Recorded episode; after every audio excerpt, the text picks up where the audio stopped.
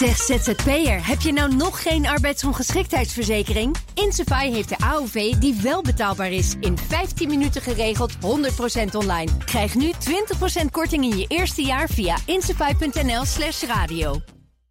The Friday Move wordt mede mogelijk gemaakt door TUI. Discover your smile. BNR Nieuwsradio. The Friday Move. will withdraw from the Iran nuclear deal. En uh, ja, werken de updates of werken ze niet? Nou ja, één ding is duidelijk, namelijk dat het allemaal nog niet duidelijk is. Het was de week van alweer Air France KLM. Rens de Jong. Het is inderdaad de week dat de crisis bij Air France KLM groter en groter werd. Trump een streep haalt door het nucleaire akkoord met Iran. En Whalen, jawel, de finale haalt van het Songfestival. Dit is de Friday Move vanuit de Sky, Sky Lounge van Doubletree bij Hilton Hotel. eh, Met de beats van DJ Thomas Robson.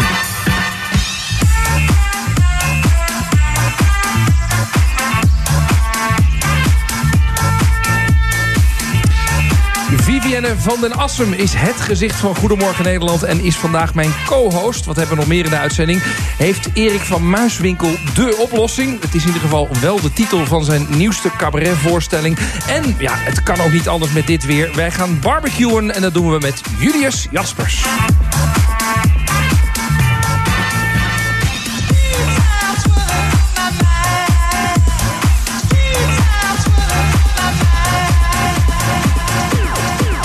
Ja, de Friday Move van vrijdag 11 april. eh, april, mei is het alweer. Het gaat zo snel. Ja, heb jij dat niet het idee? Ik ben helemaal in de war van dit zomerse weer. Eh, Vivienne, welkom. Dank je. een hele ja. goede middag. Wat een heerlijke eh, zomerse dag. Ik denk een mooie dag om het raampje open te draaien in de auto... op weg naar het strand of naar de tuin of naar het park... om lekker radio te luisteren. Ja, wij zitten hier ook niet verkeerd, moet ik zeggen, met prachtig uitzicht zo Heerlijk, over Ja. stad Amsterdam. En ook met de deuren open. Dus we mogen niet klagen. Nee, de enige waarschuwing als je in de Beekse Bergen rijdt... zou ik de deuren en ramen wel gesloten houden. Maar goed, dit is niet een uitzending in het Frans... dus ik ben bang dat het te laat is voor die mensen. Hey, Vivienne, jij presenteert Goedemorgen Nederland. Ja, dat klopt. Drie ochtenden in de week. Drie ochtenden in de week zo'n beetje ben ik eh, inderdaad eh, vroeg mijn bed uit... om eh, als eerste het nieuws te kunnen brengen. En ik, ik las ergens dat je zegt... ik heb eigenlijk geen probleem met vroeg opstaan... maar op tijd naar bed gaan, dat is wel een, een crime. Ja, en dat is maf ook. Want toen ik aan het programma begon, wist ik eigenlijk al van mezelf dat ik met opstaan niet zoveel problemen heb. Ik heb gelukkig geen last van een ochtendhumeur. Dat durf ik hardop te zeggen, want de mensen om mij heen weten dat inmiddels ook. Dat geldt overigens voor veel mensen die bij de, ons ochtendprogramma werken. Maar eh, het was vooral de omschakeling van het op tijd naar bed moeten gaan. Omdat je toch de wekker om kwart voor vier 's ochtends hebt. En dat, En hoe laat ga je dan naar bed? nou, dus niet heel vroeg, vind ik eigenlijk. Ik lig tussen half tien en tien uur s'avonds in mijn bed. Ja. Maar wel met de wetenschap dat ik dan eh, overdag nog een beetje bijslaap. Maar Ja. je komt er dan ineens Maar je achter. sociale leven ligt dan wel stil, toch? Precies. Ik kwam er dus ook achter dat dat voor een groot deel toch in de avonduren zich afspeelde. En voorheen ging ik ook nog wel eens op stap dat ik op het tijdstip thuis kwam waarop nu de wekker gaat. Dus daar moest ik wel heel erg aan wennen. Ja. Ja. Maar dat is gelukkig allemaal eh, goed verlopen. En wat is er voor jou interessant aan Goedemorgen Nederland? dat wij als eerste eigenlijk er zijn om door te praten op het nieuws van de dag. Dat je toch de mensen eh, als eerste kan toespreken terwijl zij net wakker worden en wij al eh, de energie hebben om de dag te starten. Dus ja, je kan ze wel met een bepaald gevoel eh, iedereen de dag in eh, helpen. En eh, dat, dat vind ik er wel heel leuk. En WNL, dat is een eh, volgens mij liberaal-conservatieve omroep, hè? Dat conservatieve, past dat bij jou? Eh, in bepaalde opzichten. Ja, waar dan? Nou, in bepaalde opzichten denk ik dat het, eh, dat ik, dat het wel goed is om een beetje wat meer behoudend eh, te zijn. Op welk vlak? Ja, op welk vlak? Ja. Ehm, op welk vlak? Dat is een goede vraag. Nee, ik heb daar nu niet specifiek één, één, één En dat op. liberale, maar- past dat dan wel bij jou? Eh, ja, ik denk ook van huis uit wel een beetje zo meegegeven op die manier. Ehm, dus dat. En wat er ook zit het nog bij... niet heel overtuigend nou, dit, hè? ik zit te denken, want jij, jij bent natuurlijk op zoek waarom het goed bij mij zou passen. Ja. Hè? De Nou ja, omroep. precies. En ook het programma, want Ja. daar doe ik dan eh, vooral op. Want daar ben ik toch het meeste te zien. En dat is dan eh, ook het met een vrolijk gevoel de mensen de dag inbrengen. En dat is wel iets wat past. En ik denk dat het voornamelijk is vanuit huis uit bepaalde normen en waarden die zijn meegegeven, die ik wel herken bij onze omroep. En er zijn ook zatpunten waarbij het misschien niet helemaal eh, overeenkomt. Maar dat mag ook, want we geven tegelijkertijd in de ochtend ook juist het podium aan de mensen die misschien wat meer conservatief en liberaal zijn dan ik zelf ben. En jij wilde, eh, jij wilde heel graag het ochtendprogramma doen, hè? begrijp ik? Ja, klopt. En jij, jij bent van huis uit, zo zeg je dat dan, eh, actrice? Ja, dat is tenminste het eerste waarmee ik ooit op televisie ben gekomen. ja, ja. precies. Eh, Is dat dan een enorme stap voor jou geweest? Of zeg je nee, dit is totaal logisch, dit wilde ik echt heel graag? Ehm, ik denk dat het eh, wel een verrassing was dat ik eh, ehm, bij dit programma terecht ben gekomen. Maar ik had het zelf, voor mijzelf was het niet zo'n overgang. Ik denk mensen die mijn carrière van de zeilen hebben meegevolgd, dachten: "Huh, wat gaat zij nou als actrice? Mensen kennen mij misschien nog uit de soapseries of van kinderseries, kindertelevisie ook. Dat ze dachten: wat gaat zij nou ineens doen Ja. bij een ochtendnieuws journalistiek programma? Wat is dat voor bocht? Voor mijzelf was die bocht wat minder groot. Omdat eh, mijn interesse daar ook, ook ligt. En de diversiteit aan onderwerpen. eh, ja, het ene onderwerp ligt dan dichter bij je eigen bij je persoon dan, dan de nieuwe dingen. Maar het, de- uitdaging en de verschillende mensen. En eh, de verschillende onderwerpen. Dat past wel goed bij mijn karakter ook. Dus. Eh, dat het een eh, wat journalistiekere inslag heeft dan eh, ik voorheen eh, deed, dat is inderdaad nieuw. Dat was voor mijzelf ook nieuw. Maar ja, daar had ik gelukkig ook de ruimte voor om daar een beetje aan te wennen. Eh, Je hebt eh, bij jullie programma heb je tijdens de verkiezingen had je ook ehm, een aantal dagen iedere dag een, een lijsttrekker. Ja, een die beetje dan- zoals jij nu hebt, hè? Ja, een precies, een soort co-host. Ja, een soort gasthoofddirecteur. Ja, Zo, exact. Wat, ik heb me altijd afgevraagd, wat mogen gezien? die... Ik heb, ik heb een paar stukjes gezien. Ja. En dan vroeg ik me een paar dingen af. Eén, Eén. wat is de invloed die ze hebben? Twee, moeten ze alles oplezen wat er staat? Of hebben ze daar zelf invloed op? Eén, eh, vraag 1 is in hoeveel invloed hebben ze? Nou, het is zo, ze zijn co-host en de gasthoofddirecteur. Dat betekende dat ze zelf ook iemand mochten uitnodigen... en een onderwerp mochten aandragen Oké. in stijl van hun campagne en eh, ge- gemeente die onderwerp in- echt bepalen. Ja, en dat andere kwam van ons, hè, Ja. want we doen dat natuurlijk wel samen... en het blijft ons eigen ochtendprogramma. En in de andere, vraag 2 was, mochten ze zelf zeggen wat ze wilden als je presentator bent van een nieuwsprogramma, dan heb je te maken met een autocue. En die tekst is wel eh, leidend voor meer mensen dan alleen eh, jouzelf. Dus Ja. regie, eh, andere eh, medepresentatoren en onderwerpen die je aansnijdt. Dus eh, deels moesten ze dat, maar er waren er ook wat eh, bij die toch ja, eh, de kant als presentator van zichzelf wat verder wilden uitdiepen en wat improvisatie, losgelaten. ja. Ja. Ik, ik zag Geert Wilders, zag ik, want die moest volgens mij Sieberend van Haarsma Buma aankondigen. En Ja. stond een hele enthousiaste tekst. Nou, morgen hebben we er heel veel zin in. Van Buma, van meneer ja. Buma. En toen zei hij van, nou, en morgen wordt het echt een fantastische uitzending met... Wat denk jij dan als er zo iemand naast je Hij zit? zei Wat- letterlijk, kijken dus. Ja. En met overtuigend veel maar wat denk jij dan als presentator? Nou, ik heb al één keer eerder met eh, de heer Wilders eh, een programma mogen doen. Ik wist dat hij wel iemand is die dan op een gegeven moment wat wil improviseren. Dus ik was voorbereid op dat er van alles kon gebeuren. Ik moet zeggen dat ik dit wel een leuke grap van hem zelf vond. Ja. Het is wel een leuke vondst. Ja, en is het, maar is het die onverwachtheid ook niet irritant? Dat je denkt, ja man, we zijn hier een serieus iets aan het doen. Of zeg je nee, dat vind ik juist Nee, dat vind ik hartstikke leuk. Ja, dat is ook eh, de kracht van een eh, live programma. Er kan van alles gebeuren en daar Ja. moet je volgens mij ook voor openstaan. Wie zou jij nog als gast, hoofddirecteur of co-host naast je willen hebben? Is er nog een gedroomde kandidaat? Nou, ik vond het heel jammer dat eh Thierry Baudet niet kwam opdagen. Oh, bij jou ook al niet? Nee, vind je niet verrassend blijkbaar. Oké, nou ja. Nee, dus dat had ik wel eh, eh, leuk gevonden. Of eh, Jesse Klaver was ook een van de personen die niet, nog niet bij ons is aangeschoven als gasthoofddirecteur. Dus bij deze En waarom mijn, wilde hij dat? Waarom wilden deze twee dat niet? specifiek waarom Jesse Klaver niet wilde, dat, dat is mij niet bekend. Baudet, Thierry Baudet die heeft dus ja, toch uiteindelijk besloten om niet te komen. Dus dat- die planning was er wel. Want die had ook een enthousiaste aankondiging in de uitzending ervoor. Goed. We praten straks verder. Jij bent mijn co-host tot, half zeven vanavond hier in de Friday Move. Zometeen oud-wielrenner Leon van Bon. Hij werd fotograaf. En nu is zijn eerste boek uit met foto's over het wielrennen. Tot zo.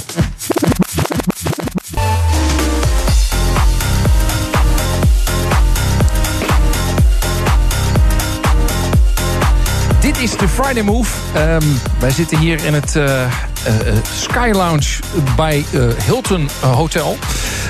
Tot half zeven, Vivienne van der Assem is mijn co-host. En aan tafel heb ik hier oud-wielrenner en tegenwoordig koersfotograaf Leon van Bon. Als profwielrenner was hij eh, 15 jaar een van de toppers van Nederland. En deze week verscheen zijn eerste boek For the Love of My Life. Welkom Leon. Ja, voor de love of, Of my, my bike. bike. Maar Ik- d- ik- dat is ook een beetje de... de Precies. ik, ik, ik interpreteer hem meteen verkeerd. Ja. Nou, of juist goed, hè? Ja, ja, ja. For the love of my bike, je hebt helemaal gelijk. Het is een boek vol met portretten van amateur wielrenners. Ja, het is eigenlijk een boek over fietsen zonder fiets. Er staat geen één fiets in. Dus dat Nee. is, eh, maar het gaat wel eh, duidelijk over, eh, over mensen die eh, eigenlijk net een, tocht hebben gereden. Dat, ja, dat kan zijn eh, een, een kort tochtje van 50 kilometer. Maar er zit ook eh, ja, een tocht in van eh, 270 kilometer waar ik ook zelf mee heb gereden. En, eh, Want dat heb jij gedaan. Jij bent gewoon met je witte achtergrondje.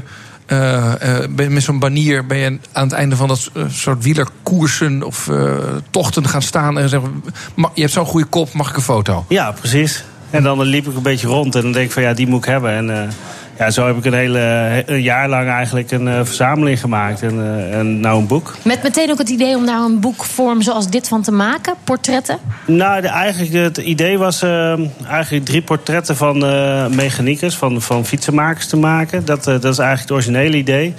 En toen had ik een tochtje gereden met zes vrienden.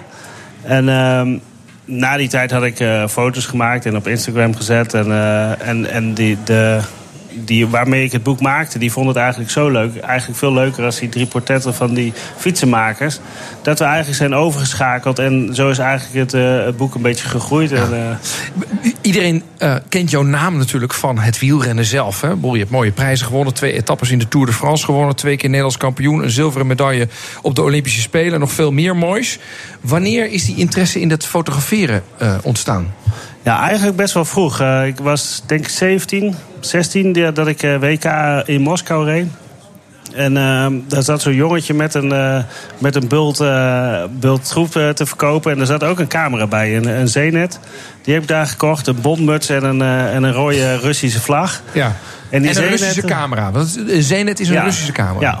En ehm, ja, daar ben ik toen een beetje mee gaan spelen. En eh, ja, dat, dat, ik deed al wel aparte dingetjes, uitvergrotingen maken en dat soort eh, dingen. En eh, op een gegeven moment werd ik beroepsrenner. En in die tijd was het uit een boze om een camera mee te nemen. En toen is dat eigenlijk een beetje verwaterd. En ja, toen mijn dochters geboren werden, toen ja, toch weer een camera gekocht. Eigenlijk niet met het idee om veel meer ermee te gaan doen. Maar ja, dat groeide al gelijk eh, weer terug. En voordat ik eigenlijk helemaal gestopt was, had ik een fotostudio thuis. En dus eh, ja, bleek dat ik toch wel iets meer geïnteresseerd was. Je eigen doka ook. Nee, nee, ik ben nog helemaal uit de tijd van de digitale camera. Dus dat, is niet, eh, niet nodig geweest. Niet nodig geweest. Oké. En heb je, ehm, want ik las ook ergens dat jij, eh, ook tijdens dat jij zelf nog wedstrijden reed, dacht: ik neem een camera mee. Ja, ja, de laatste vijf jaar denk ik van mijn, eh, van mijn carrière. Toen zat ik bij een Chinese ploeg. En ik reed dan veel in Azië. En eh, ja, dat, dat was natuurlijk fantastisch om een cameraatje mee te nemen. En dan eh, ja, vaak zelfs in de eerste stuk van de koers dat ik eh, mijn camera mee had. En, Al eh, fietsend. Al fietsend ja, in nog het peloton foto's nog even wat Ja, ja, maken. ja. Dat kan er gewoon bij. Ja, dat, dat kon, daar kon dat wel. Dat, eh, dat zou ik de jongens nu in de Giro niet aanraden. Nee, daarom. maar- Ik denk, dat je bent toch met fietsen bezig. Want ik begreep de zesdaagse van Rotterdam hebben ze het echt verboden. Hebben ze bijna je camera afgepakt, toch? Ja, nee, dat klopt. Ja, dat klopt. Ze zei van, ja, dat, dat is niet toegestaan. En ik had eigenlijk een opdracht van een, van een fietsmagazine... om een achtergrondverhaal te maken. Eh, voor een fotoverhaal. En ze zei, ja, dat komt niet serieus genoeg over. Dus dat, eh, dat kunnen we niet toestaan. Dus toen dacht ik van, ja, op een gegeven moment moet je dan toch een keuze gaan maken. Hè? Maar het is toch ook levensgevaarlijk als je met zo'n camera op zo'n snelle Ja, fiets zit? Na de zesdaagse doe je ook heel veel niet fietsen. En dan kan je wel leuke beelden maken. Omdat je ja, eigenlijk tussen die renners leeft waar, waar het publiek niet kan komen. Dus wat, eh, dat is op zich wel best wel interessant om daar eh, een reportage over te maken. Maar dat, eh, dat kon toen niet. Maar goed, jij bent nu echt professioneel fotograaf. hè? Ik, ik zag beelden van jou bij de Tour de France... die jij dan als fotograaf volgt. Ergens in een tentje lig jij de, de Tour te volgen. Dus dit Ja. is echt jouw nieuwe beroep geworden. Ja, ja ik doe, doe redelijk wat wedstrijden. Niet, niet heel erg veel. Maar ja, daarnaast eh, schrijf ik ook nog verhalen voor, eh voor Fietsmagazine. En eh, eh, maak ook productfotografie. En eh, ik zit niet alleen in de, in de wedstrijdfotografie. En, en daardoor past het boek ook eh, perfect bij mij, denk ik. Vivienne, ben jij een beetje wielrenster? Leuk dat je het vraagt. Eh, nee, alles behalve. Oh. Ehm, ik ben wel vanwege het aantal, aantal sportprogramma's die ik heb gedaan... waaronder ZEP-sport bijvoorbeeld, voor eh, een jeugdsportprogramma... maar ook voor KPN een tijdje... dat ik me wat, wel wat meer heb moeten verdiepen in de wielersport. Eh, maar zelf op een fiets, ik, ik vind het doodeng ook. zo op een racefiets zitten met zo'n dun wiel. Ik- Dat is niks voor mij. Dus die, die- nee. Geen- Vind je dat raar? Nee, ehm, eh, Ik vind het echt- is, is niet nodig. Het is in ieder geval niet nodig dat je dat eh, eng vindt, maar dat, het komt wel vaak voor. voel ja. totaal geen controle als ik op zo'n fiets zit. laat ik het zo zeggen. Goed, maar het is een mega populaire sport. 800.000 Nederlanders eh, beoefenen het, het wielrennen. En jij wilde, begrijp ik met dit boek, ook een beeld maken van die amateur wielrenner, toch? Nou ja, eh, dat, dat vormt zich eigenlijk. Hè. Ik ben niet begonnen met het idee van nou, ik ga hier even het beeld maken van. eh, maar als je dan eh 200 eh, foto's naast elkaar plaatst, dan denk ik van ja, dit is eigenlijk wel een prachtig tijdsbeeld van, van de renner die er nu rondrijdt. Ja. En schets de renner die nu rondrijdt. Nou, voor mij zijn het vooral eh, mensen die veel plezier aan hebben. En, en dat kan, eh, wat ik al zei, een kort ritje zijn en genieten van, van het mooie weer en, eh, en een biertje daarna. Of, of de hele fanatiekelingen, die staan er eigenlijk allemaal in. Er staan, staat eigenlijk maar één beroepswielrenner in, de Dam. En, en oud, oud-prof eh, Joop Zoetemelk. Het, als je mij vraagt, het beeld van wielrennen Nederland. Eh, en ik doe af en toe ook wel een, een beetje rondfietsen. Ah. Dat is eh, middelbare leeftijd man. Een licht buikje begint zich te vormen. eh, denkt nog steeds, ik kan eh, alles aan. En, en, en, en doet alsof hij de Tour de France fietst. Nou, dat, dat vind ik wel mooi hoor, bij het fietsen, dat je dat gevoel kan hebben ook. ook al ga je niet zo hard, dan denk je dan toch dat het eh, heel snel maar is. ze hebben er ook een Maar naam voor. staan- Middle-aged man in Lycra, mammals. Ja, ja, Dat- ja, Nu doe je al die mensen die in het boek staan wel te Nee, kort maar hoor. dit, dit is het beeld dat er volgens mij is. Nou ja, dus, er staan eh, redelijk wat vrouwen in ook. Ja, en dat ook, valt mij eh, ook op, ja. vader en zoon en dat soort, eh, dat soort verhalen. Dus het is wel breder dan dat, vind ik. En eh, ja, het is... ja, ik ben op heel veel verschillende soorten events geweest eigenlijk. En daardoor krijg je ook een heel eh, breed scala aan mensen. En, en eh, ik vond het prachtig om te doen, omdat je dan contact legt met die mensen en, en over het fietsen hebt. En eh, ja, het was een geweldig project. Ja, je schrijft ook wielrenner verbindt. Wat bedoel je daar dan mee? Nou ja, de, je stapt samen op een fiets en je rijdt een dag, dag eh, ja, misschien wel drie uur naast, naast iemand. En je praat vaak over dingen waar je anders nooit aan toe zou komen. Dat, eh, dat merk ik vaker eh, toen ik nog veel, eh, veel trainen ben met trainingsmaten. Dan, ja, dan kwam je tot gesprekken waar ik never nooit met vrienden van school of ooit Nee? ben gekomen. Nee. Nee, want wat gaat het dan over opeens? Nou, over van alles. Wat er de thuissituaties, eh, wat, er, wat er zo al omgaat. Maar ja, je hebt heel veel tijd om met elkaar te praten. En dan, eh, dan komt er van alles los. Het is het lekkere bij fietsen is dat je elkaar niet aankijkt. Toch? Dat vind ik er dan fijn aan. Ja, je dat gewoon, scheelt je, ook, je ja. kijkt gewoon lekker vooruit en dan praat je wat in jezelf. En dan hoor je iemand naast je ook een beetje zo erover ouwe hoeren. Ja, je hebt ervaring hoor. Ik, dat gaat goed. Ik zit ook ineens te denken aan de omschrijving die hij net gaf hè, over de wielrenner van nu. eh, De Ja, amateur ging gewoon wielrenner van nu. hemzelf, Snap je? ja. Ja, precies. Nee, maar het, goed, de- als, als ze er een naam voor hebben bedacht, dan denk ik dat is breder dan dit alleen. Maar inderdaad, het, met het buikje begint bij mij ook iets te komen. Ik merk ook dat sommige wielrenners, eh, zeker als het net lente begint te worden, amateurwielrenners gehaat worden op het fietspad. Eens of niet? Eh, ja, ja. En dat, dat eh, kunnen veel wielrenners eh, hand in de eigen boezem steken. En daar is zeker wat aan te doen. En eh, ik ben er eigenlijk groot tegenstander van om, om andere weggebruikers te hinderen of af te snijden of dat soort dingen. Dus dat, moet, dat, kan, de- dat is- kan beter, maar Wat is daar de oplossing voor dan? Ja, een beetje respect voor elkaar. En dat, eh, Het is, we doen, wij doen, ik praat nu echt over wij. We doen alsof we de Tour de France bezig zijn. En dan is- zijn we net lekker, weet je wel, een beetje hard boven de 30 aan het fietsen. En dan denk ik, oh, ik ben lekker bezig. En dan kom je iemand tegen die heel langzaam fietst. En dan is het, ga je, gaat zo'n heel groepje gaat roepen. Oh, oh, oh. ja, ja, Nou, ja, je wordt daar natuurlijk mega gehaat van. Het is ook super irritant. ja, ja. Toch? Maar ik denk dat er, er zijn genoeg plekken waar je hard kan rijden. En doe het lekker daar en, Ja. dan, eh, en geniet er dan van. Zo'n man op de voorpagina, dat is echt wel een hele mooie foto, hè? De cover bedoel jij? De cover, ja, precies. Eh, totaal in de modder. Wat, waar, waar was dit? Dat was in eh, Hilversum. En eh, hij was eigenlijk zo vies omdat hij in mijn wiel had gezeten de hele tijd. Dus dat was wel, eh, dat is wel het mooie van het verhaal natuurlijk. Maar ehm, ja, een vriend van een vriend eigenlijk die meefietst. En ik kende hem helemaal niet voor die dag. En, en na de tijd ja, zijn we toch wel in contact gebleven. En ja, ik vind het ook een prachtige foto. Ja. Heb je veel keuzes moeten maken voor het samenstellen van dit boek? Ja, De ik portretten had, ik die had je me- niet of wel hebt kunnen gebruiken? Ja, ik had meer beeld dan, eh, dan dat erin staat natuurlijk. Maar ja, de, de, de echt mooie foto's die zijn natuurlijk makkelijk te kiezen. En op een gegeven moment wordt het, uh, wordt het wat lastiger. Maar dat, uh, ja, dat viel op zich wel mee. Wat is de grote droom? Want jij hebt gewoon een carrière switch gemaakt. Fotograaf geworden van profielrenner. Wat is de grote droom nog qua nou, het mooiste als fotograaf is eigenlijk om te doen dat je naar een wedstrijd gestuurd wordt voor, voor, uh, in een opdracht en gewoon te kunnen doen wat je zelf uh, graag wil. Zonder uh, veel grenzen. En, en wat zou je dan gaan doen? Nou, mooi beeld maken en, en een beetje los van, van het standaardbeeld sowieso. En wat heb je dan in je hoofd? Ja, dat moet, dat moet je natuurlijk op, op zo'n dag. Ja, dat kan je nu niet verzinnen. Dat, nee, maar, goed. heel documentair eigenlijk om het te, om het te schieten. Nou ja, ja wel. En zeker niet uh, een pure wedstrijdbeeld uh, hoort erbij. Maar is, uh, is maar een klein onderdeel, vind ik, van, van wielenfotografie. Ja. Um, dankjewel. Leon van Bon. Deze week verschijnt zijn eerste boek... For the Love of My Bike. Yes. Prachtig boek. Straks schuift Julius Jaspers aan. Hij is zo gek op barbecuen dat alweer zijn derde kookboek erover verschijnt. Tot zo. BNR Nieuwsradio. The Friday Move. Het is inderdaad, zoals je al aangaf, het is een oude beurswijsheid. Nou ja, één ding is duidelijk, namelijk dat het allemaal nog niet duidelijk is. En daarom zijn we ook blij om te zien dat die stakingen nu opgehouden zijn. Rens de Jong. Erik van Muiswinkel, Ilse Warringa en Julius Jaspers schuiven aan in de Friday Move. Tot half zeven is Vivienne van den Assem mijn co-host.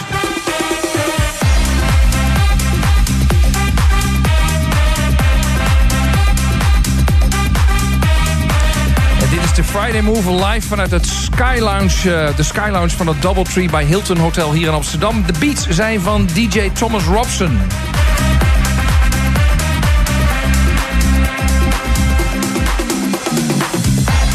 Het klinkt heel zomers allemaal. Uh, de Friday Move van vrijdag 11 mei.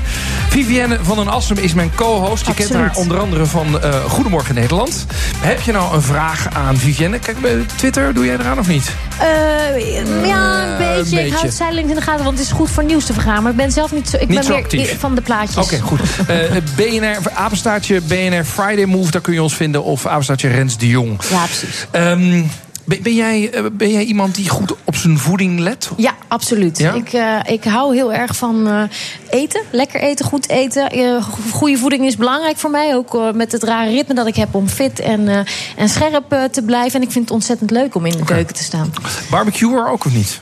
ik heb wat mensen om me heen verzameld die daar heel goed in zijn. en dan, dan wil ik ze absoluut niet lastigvallen als zij de barbecue aansteken. Oké. Okay. Iedereen heeft deze week denk ik wel even gedacht... ik moet gaan barbecuen of is het gewoon gaan doen? Maar hoe doe je dat nou precies goed? Welke soorten vlees en welke groenten liggen dan het beste op die barbecue boven die uh, warmgloeiende kooltjes? In het nieuwste boek Simple Smart Barbecue uh, komt daar antwoord op. De schrijver zit hier aan tafel, Jullie Jaspers. Jullie is welkom. Dankjewel. Um, Even ander nieuws. Jij bent deze maand uit jouw restaurants gestapt. Ik ben er aan het uitstappen. Stappen. Ja, klopt. Uh, en de restaurants hier in Amsterdam zijn... Uh, Happy Happy Joy Joy. Daar hebben we er twee van. En Julius Bar Grill op de Centuurbaan. Waarom? Volgens mij is het een hartstikke ik, succesvol concept. Ja, het is heel succesvol. En ik vind het ook heel erg leuk om te doen. Maar een dag heeft 24 uur. En ik vind heel veel andere dingen ook heel erg leuk. Ja. En we hadden het er net over uh, of ik uh, bezeten ben van werk. En dat ook zo goed mogelijk wil doen. En dat klopt.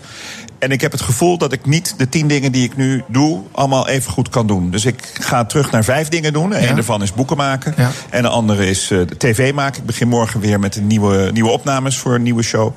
Um, en daar past eigenlijk het, het restaurantverhaal uh, niet meer bij. Oké, okay, maar je moest dan wel kiezen. Terwijl je aan de andere kant had je ook kunnen zeggen... ik ga stoppen met kookboeken maken, want dan heb ik er ook al dertien van. Uh, vijftien. Vijftien zelfs, ja, precies. Maar dat vind ik toch wel heel erg leuk. En ik heb, ben daar ooit mee begonnen, uh, 13 jaar geleden, omdat ik iets wilde kunnen op een plek waar ik niet gebonden ben aan die plek. Dus ik wil dit kunnen doen in Bussen, waar ik woon, of in Spanje, waar ik op vakantie ben, of in Frankrijk uh, in, in mijn skihutje. Of ik wil niet locatiegebonden zijn. En dat vind ik het fijne van uh, kookboeken maken en schrijven. En het, ja, ik vind ik gewoon ontzettend leuk. Heb je er veel verkocht van die 15 kookboeken? Ja. Heel ja? erg veel. Hoeveel? Wat ja. is heel erg veel? Ik vind uh, in totaal natte vinger 250.000 vind ik veel. Zo. Ja. Dat is maar veel. 15 of 14 titels, hè, want deze is dan net een week uh, oud. Dus dat, uh, die, die telt nog niet mee. Nee, oké. Okay. Even, je bent hier voor dat boek, Simple Smart Barbecue. Um, ik las een interview met Jeroen Hazebroek. Dat is een, ook een schrijver van barbecue kookboeken. Jullie hebben elkaar een keer ontmoet. Ik heb mijn eerste boek aan hem eh, eh, gegeven vorige week. Precies. Ja. En ik, ik las eh, dat hij zei... nou, het eerste gesprek met Julius eh, liep wat moeizaam. Hij dacht namelijk na een gesprek met jou over barbecuen... stik er maar in. Ja, klopt. En hij zei, Julius heeft een zeer moeizame relatie met de barbecue. Nee, dat was toen. ik heb, eh, eh, destijds heb ik van eh, de importeur van Big Green Egg een barbecue gekregen. Die kwam Jeroen uitleggen in mijn achtertuin. En ondertussen ging de telefoon twaalf keer, liep de hond weg... en had ik twee jengelende kinderen zeg maar, om me heen. En ik heb gewoon niet opgelet. En hij ging na anderhalf uur weg, want ik was ook gewoon te druk. En, komt, eh, en, en s'avonds komt mijn hele gezin bij elkaar en zegt: Papa, wat heb je nou gemaakt? Ik, nou jongens, ik ga nu wat lekkers maken. En ik keek en kijk en weer open en dicht dat ding en open en dicht. Dat is de grootste fout die je kan maken. Maar daar had ik niet op, goed op gelet. Dus dat kreng werd steeds warmer en alles verbrandde. en ik heb het daarna nog drie keer geprobeerd. En toen heb ik na een maand de importeur gebeld: Kan je hem in godsnaam komen ophalen? Nou, zegt hij: Ophalen, Johnny Boer, Sergio, iedereen kookt mee en jij kan dat niet. Ik stuur Jeroen Haasbroek nog een keer langs. Toen heb ik de telefoon uitgezet en de tuin afgesloten voor ander verkeer. En eh, sindsdien zijn we vrienden. Dus de, de Big Green Egg en ik. Ja. Maar ook Ja, Jeroen en ik. Ja, ja, oké. Ja. Het waren de externe factoren die even in de weg Oh, zaten. man, wat een drama. Maar dit moet toch degene die nu aan het luisteren zijn wel een beetje moed, eh Moet inpraten. Dat- dat- dat van, zelfs Julius Jaspers eventjes gewoon kan opstartproblemen had. mislukken. Ja. Ja. Ja, ja zomaar. Want waarom kan er dan zoveel meer? Want het lijkt zo Het lijkt- ongelooflijk simpel. Maar, en het is ook ongelooflijk simpel. Maar je moet een paar dingetjes eh, goed bedenken. Eén daarvan is dat vuur en eh, zuurstof eh, zijn ongelooflijk goede vrienden. Dus hoe meer zuurstof, hoe meer vuur, hoe warmer de barbecue wordt. Dus als jij die klep steeds open doet en dicht doet en open doet... er komt steeds meer zuurstof bij en wordt het vuur gewoon steeds warmer. En in zo'n dikke keramieke barbecue blijft die ook heel lang warm. dat, is, dat is gewoon de fout. Je zou met een, als je wil kijken, zou je er een met een glazen deksel moeten kopen die niet bestaat. Oké. Maar eh, dus je, je moet gewoon op ervaring weten en met kerntemperatuurmetertjes en zonnetjes en. eh, Zijn wij goed Nederlanders goed hierin? Beter en beter en beter als we niet meer eh, bij- de, de slager of de, de supermarkt het barbecue pakket in vijf verschillende kleuren kopen. In de groene marinade en de gele marinade en een beetje Daar kip en een je je burgertje. Ja, want je kunt. A, zijn die smaken vaak heel erg opgepept met, met zout en suiker. En ten tweede, hoe meer verschillende dingen je op de barbecue legt, hoe meer verschillende cuissons, garingen, hoe langer iets moet. Kip moet langer dan eh, rund, want rund hoeft niet gaar, maar kip moet wel, anders word je ziek. Dus de barbecuer is de Sjaak. Die staat twee uur te bikkelen om alles half verbrand en, en noem maar op op tafel te krijgen. Dus ik roep altijd, maak één goed ding. Zorg dat dat een kwartier voordat je gaat eten klaar is. En dan doe je nog snel een klein ander dingetje of een paar groentjes. Dat gaat allemaal wop wop heel snel. En dan ga dan lekker eten. Maak Je het gaat- niet te ingewikkeld Maak het niet te ingewikkeld. Als je, als je gewoon eh, eh, eh, thuis binnen aan tafel eet... ga je ook niet vijf verschillende Ja, dat eh, is het vaak, gerechten ja. maken. Ja, dat mensen halen ineens van alles in huis. Nou ja, alsof dat je je half, voor half een varken weeshuis... binnenhaalt. ja, precies. Maar goed, dan, dan heb ik dan weer het probleem. Denk, ja, inderdaad, ik probeer dan één mooi stuk vlees, zeg maar. Ja. En, eh, maar ja, goed, dan moet ik dat in dat pieterpeuterige tuintje van ons... ga ik dat dan allemaal in elkaar zetten, zeg maar. En dan denk ik, ja, dat is wel takkenveel werk voor één zo'n stuk vlees. Is het nou... Wordt het echt heel veel beter als ik het op die barbecue leg... in plaats van in mijn oven, bijvoorbeeld? Het, het, het krijgt een andere smaak, omdat die barbecue die- dat met, met houtskool... Ik heb het over een houtskool barbecue, hè, niet een gasbarbecue. Eh, waarbij de experts ook nog zeggen bij een gasbarbecue... met die, met die steentjes ertussen, druipvet, dat gaat dan... Daar Valt weer een Geloof jij niet in? Ja, onzin. Ja, Rook- gasbarbecue rook is voor losers. kolen. Gasbarbecue nee, is, heeft het is geen niet zin. voor losers. Want ik heb het ook jaren gedaan. Toen ik jonge kinderen had die op het moment dat ik wilde eten weg waren. en op het moment dat zij honger hadden, waren de kolen niet goed. Had ik ook een gasbarbecue. Is Ja. niet voor losers. Oké. Maar de echte barbecue experience is met vuur. Ja. En, en kolen. En dat gaat dan ook een beetje daarnaar smaken. Om een rooksmaakje aan. En die, die, in mijn geval dan die Big Green Egg. Die heeft een hele eigen geur van binnen. Het is heel typerend. Ehm, maar nog even drie stappen terug. Waarom is het zoveel werk? Waarom is het meer werk dan in je oven? Hm. Ja. Vuurtje aan, goede temperatuur. Schuif je beneden voor de lucht en boven voor de lucht in. Een beetje in. Ja, misschien is het gewoon een soort idee, hè? Dat, je, dat ik met die zak kolen loop te slepen en et cetera. Maar het gewoon, gewoon maar wel moet gaan doen. Ja, dit is misschien luid van mij. Eh, geen afwas, hè? Hoe fijn is dat? Ah, ja, oké. Want de volgende keer stook je die barbecue op. Dat rooster wordt helemaal schoon. eh, Borsteltje eroverheen en klaar. Of je legt het rooster na afloop in je pieterpeuterige tuin in het gras. Kijk, eh, oké, ik krijg hier allerlei Ja, ideeën door van. de- door de dauw ja, wordt het begint, begint goed te komen.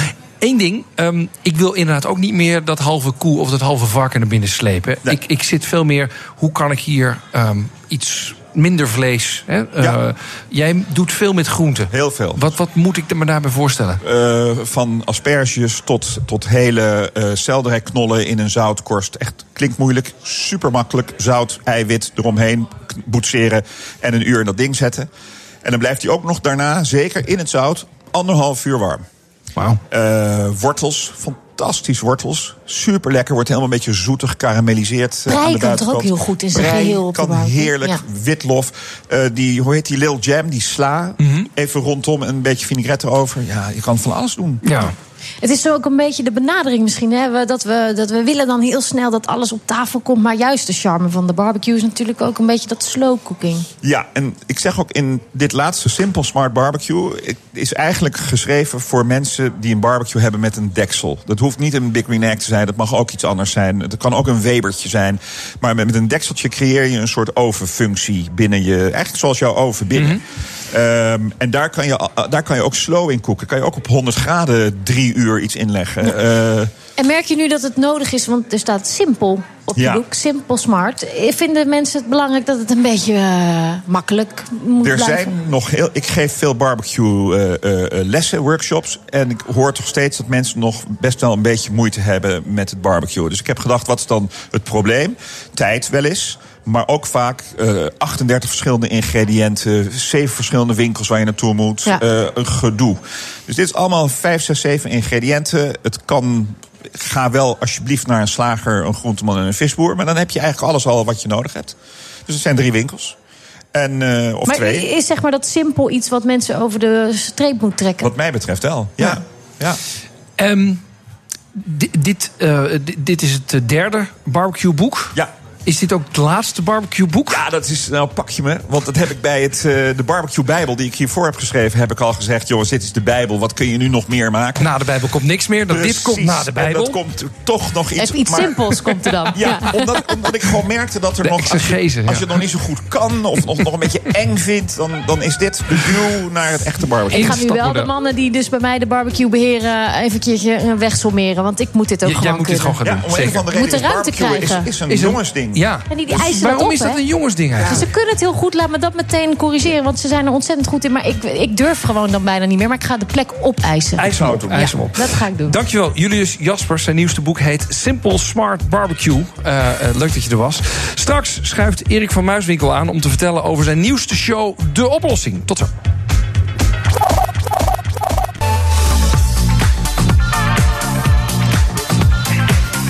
Welkom terug bij eh, de Friday Move. Eh, zeker voor die mensen die op de A4 een uur in de file staan. Eh, relax, je komt eh, toch niet eerder thuis.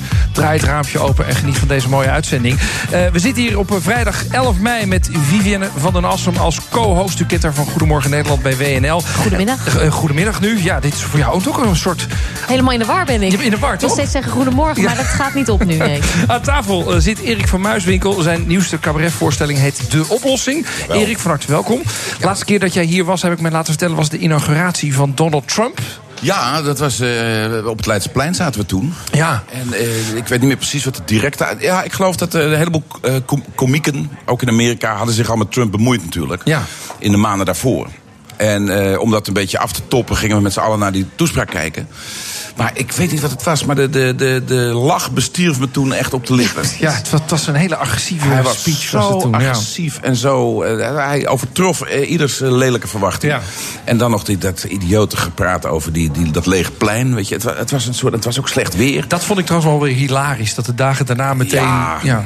Gelukkig hebben we de foto's nog, Ja, dat idee. Ja, Dat Ja. maakte het ook voor komieken weer verteerbaar. Eh, zit er nog grappen over Trump in jouw nieuwe show, of niet? Eh, nou, ik speel hem nu al eh, zeven maanden. En dan moet ik even... Nou ja, hij komt af en toe langs. Ja, ja. ja, ja, maar het, het gaat niet heel direct over de actualiteit, eerlijk gezegd. En, eh, jouw nieuwste voorstelling heet De Oplossing. Ja. ja. Nou heb ik ehm, een paar recensies gelezen... en die waren nou niet heel erg mals. Nee, het, dit is, het is in ieder geval de oplossing voor mijn carrière. Want die is eh, wel ten einde. Nou ja, ik dacht wel. Nee, ik dacht toen nee. ik dat las. En ik volgens mij heb ik NRC gelezen. En andere weet ik niet meer welke krant het was. Maar ik dacht bij mezelf. Volgens mij kan ik me voorstellen dat Erik van Muiswinkel denkt... jongens, zak er allemaal wel lekker in, ik ga iets anders doen.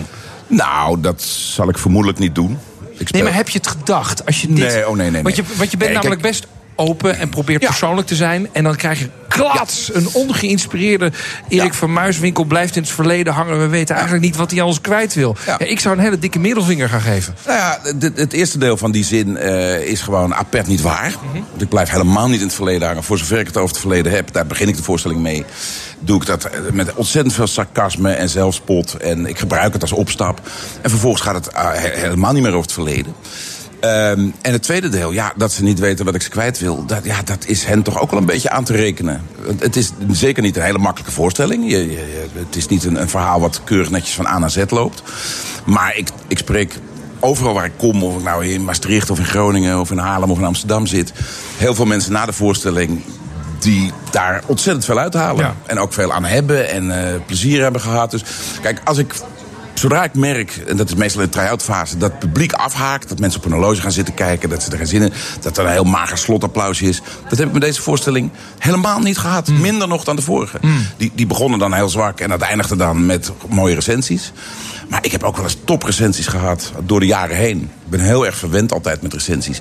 Maar prachtige recensies, vier, vijf sterren. Waarvan ik dacht, ja, maar je hebt eigenlijk helemaal niks van begrepen. Je had bijvoorbeeld al, dacht je, dat zijn leuke jongens, daar gaan we om lachen.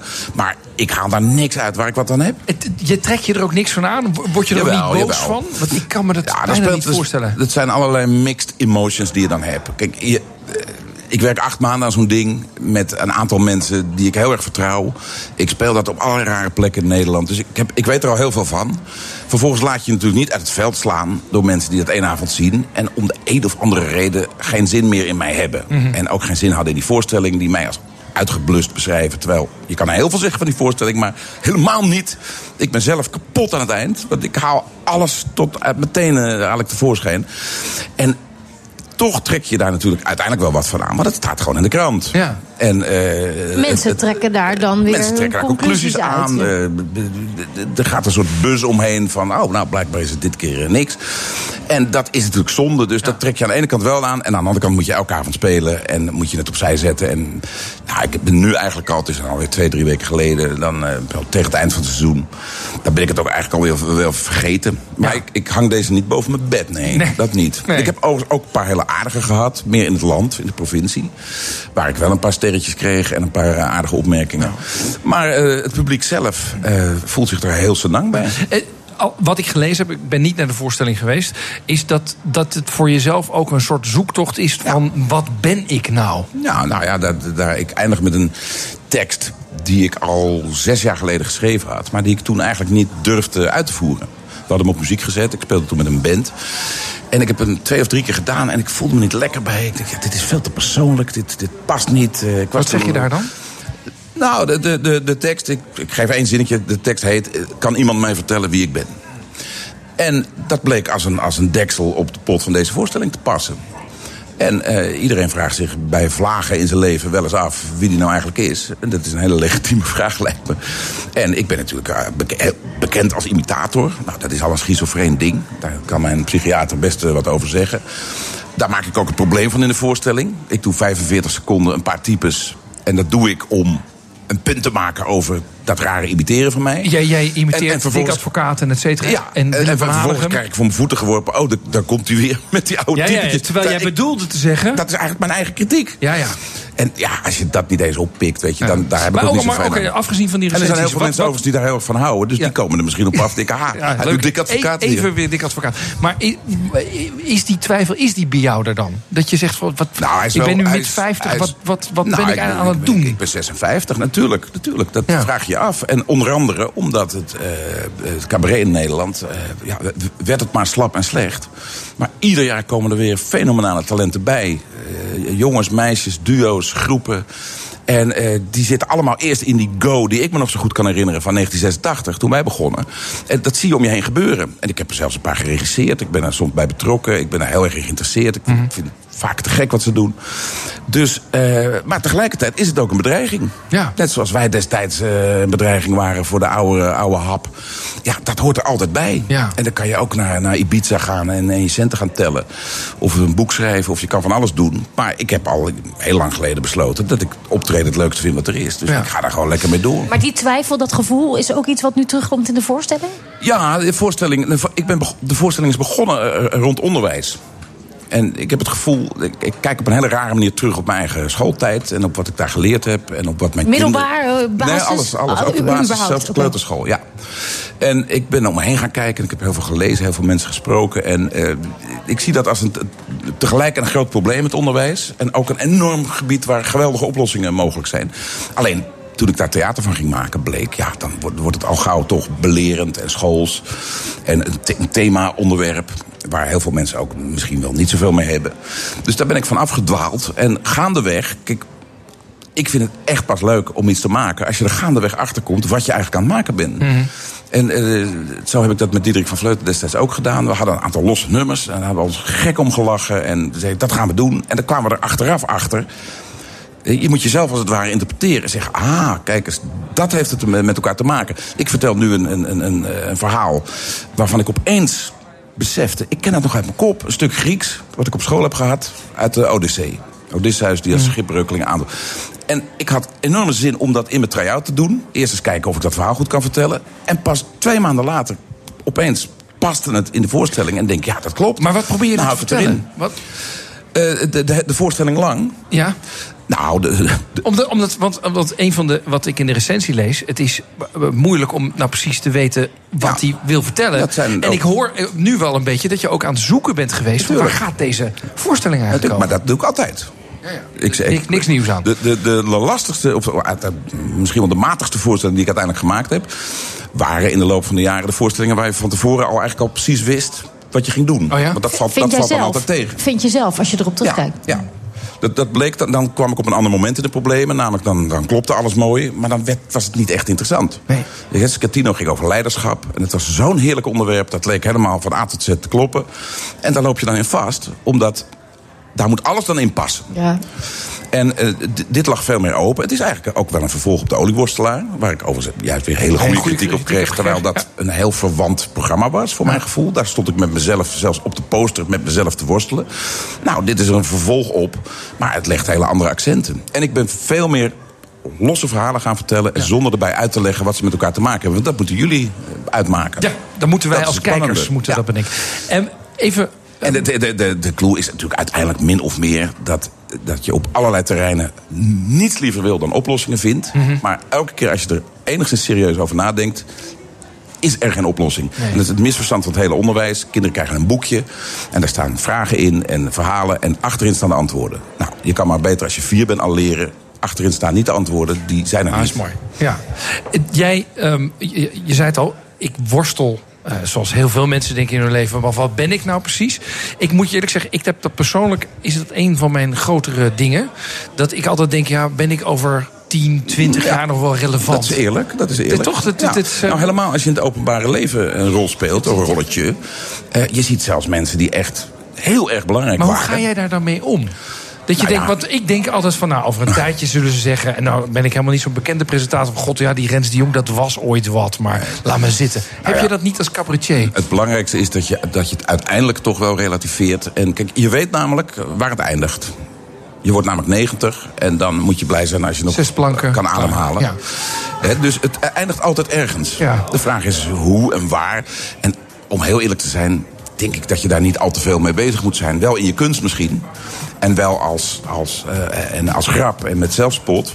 Maar als je dat heel serieus neemt. Kijk, ik, ik heb een, een vak waarin ik heel veel vrijheid heb. En waarin ik ook net zo lang kan doorgaan als ik wil. Ja. Ik kan gaan regisseren, ik kan gaan schrijven. Als ik het fysiek niet meer zou opbrengen. Want het, is, het theater is best pittig. Maar ik kan gaan en staan waar ik wil. Dus wat dat betreft maak ik me helemaal niet zo Maar zorgen. moeten wel, je moet nog steeds wel het publiek nodig hebben om te zeggen... Natuurlijk. Die Van Muiswinkel, daar kom ik voor. Natuurlijk, maar als ik, eh, ik trek gemiddeld 3 à 400 mensen elke avond, dat is prachtig. Daar zit ik helemaal niet mee in mijn maag dat ik hem met Vanavond sta je in de Kleine Comedie in Amsterdam. Ja, ja, ja eh, vanavond en morgen nog in de comedie hier Ja. op, het, eh, op het Rembrandtplein. Dit is de enige plek waar eh, Nederlands gesproken wordt die avond. Verder is het helemaal nergens in die buurt. Welkom in Amsterdam. Welkom in Amsterdam. Is- ben je gek. nog, heb je nog plankenkoord voor dit soort dingen of is het routinematig? Nou, ik heb voor deze voorstelling een, wel een stevige spanning elke avond. Nee, ik heb, eh, het loopt altijd goed af. Maar. eh, ik- ah, ik- jammer, ik- dat hebben we nu weggegeven. nee, nee, nee, nee, nee, maar ik speel hem, ik speel hem eh, elke avond eh, anders. Dus ik heb niet een hele erg vaste tekst. Ah, oké. Dus eh, het Oh hangt ja, wel hangt er nog zoveel vast aan, of, aan improvisatie? Ja, ik tot Onderhevig? 20, 20 van, van zeg maar de letterlijke woorden die ik uitspreek, schat ik, is toch wel elke avond net iets anders. Dus, ja, ik ben nog wel, ik ben nog wel een beetje gespannen. Ja, Vanavond eh, zullen de mensen het gaan zien in de Kleine Comedie. Dankjewel, Erik van Muiswinkel was dat. Ehm, straks dan schuiven Ilse Warninga, Agnes Mulder en Roel van Dalen nog aan. Blijf luisteren naar The Friday Move. BNR Nieuwsradio. The Friday Move. will withdraw from the Iran nuclear deal. En eh, ja, werken de updates of werken ze niet? Nou ja, één ding is duidelijk, namelijk dat het allemaal nog niet duidelijk is. Het was de week van alweer Air France KLM. Rens de Jong. Dit is eh The Friday Move. Live vanuit de Sky Lounge in het eh, Doubletree by Hilton Hotel. Met de beats van onze eigen DJ Thomas Robson. En ze danst al lekker mee op de muziek. Dat ziet u niet, ja, behalve op de, de webcam. Dat kan natuurlijk wel. Om kwart over vier 's ochtends gaat haar wekker. En dan staat ze zo dansend op, denk ik, om Goedemorgen Nederland te presenteren. Toch? Ja, dat is wel waar Ja, eigenlijk. Ja, dat kost me echt geen moeite. Ik spring uit bed, ik, Echt ga, waar? ik snoes niet. Ik ben hop, wakker eruit. Meteen onder de douche klaar. Ja, en ik ben in een kwartier zit ik in de auto en, dan uh, altijd vrolijk, geen probleem. Ook midden in de Eigenlijk wel. winter. Eigenlijk, nou, de winter duurde dit keer behoorlijk lang, vond ik. Maar ik heb het net aan gered, geloof ik. Verder schuift Ilse Warringa aan. Eh, ze doet mee in het programma Foute Vriendinnen. Wordt dat net weer zo'n succes als De Luizenmoeder. En CDA-Kamerlid Agnes Mulder is net terug van een werkbezoek aan Saoedi-Arabië. Wat doet een Kamerlid in een land waar ze wekelijks meer hoofden afhakken dan IS dat doet?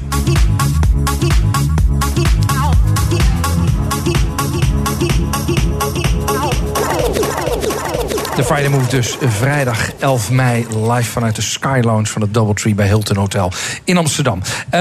Vivienne. Laten we even, want eh, je, je zei net al, eh, ik sta iedere dag eh, vrolijk op. Al is het kwart voor vier. Je gelooft het niet, hè? Nee, nou, ik, wel. Nou, laat ik zo zeggen.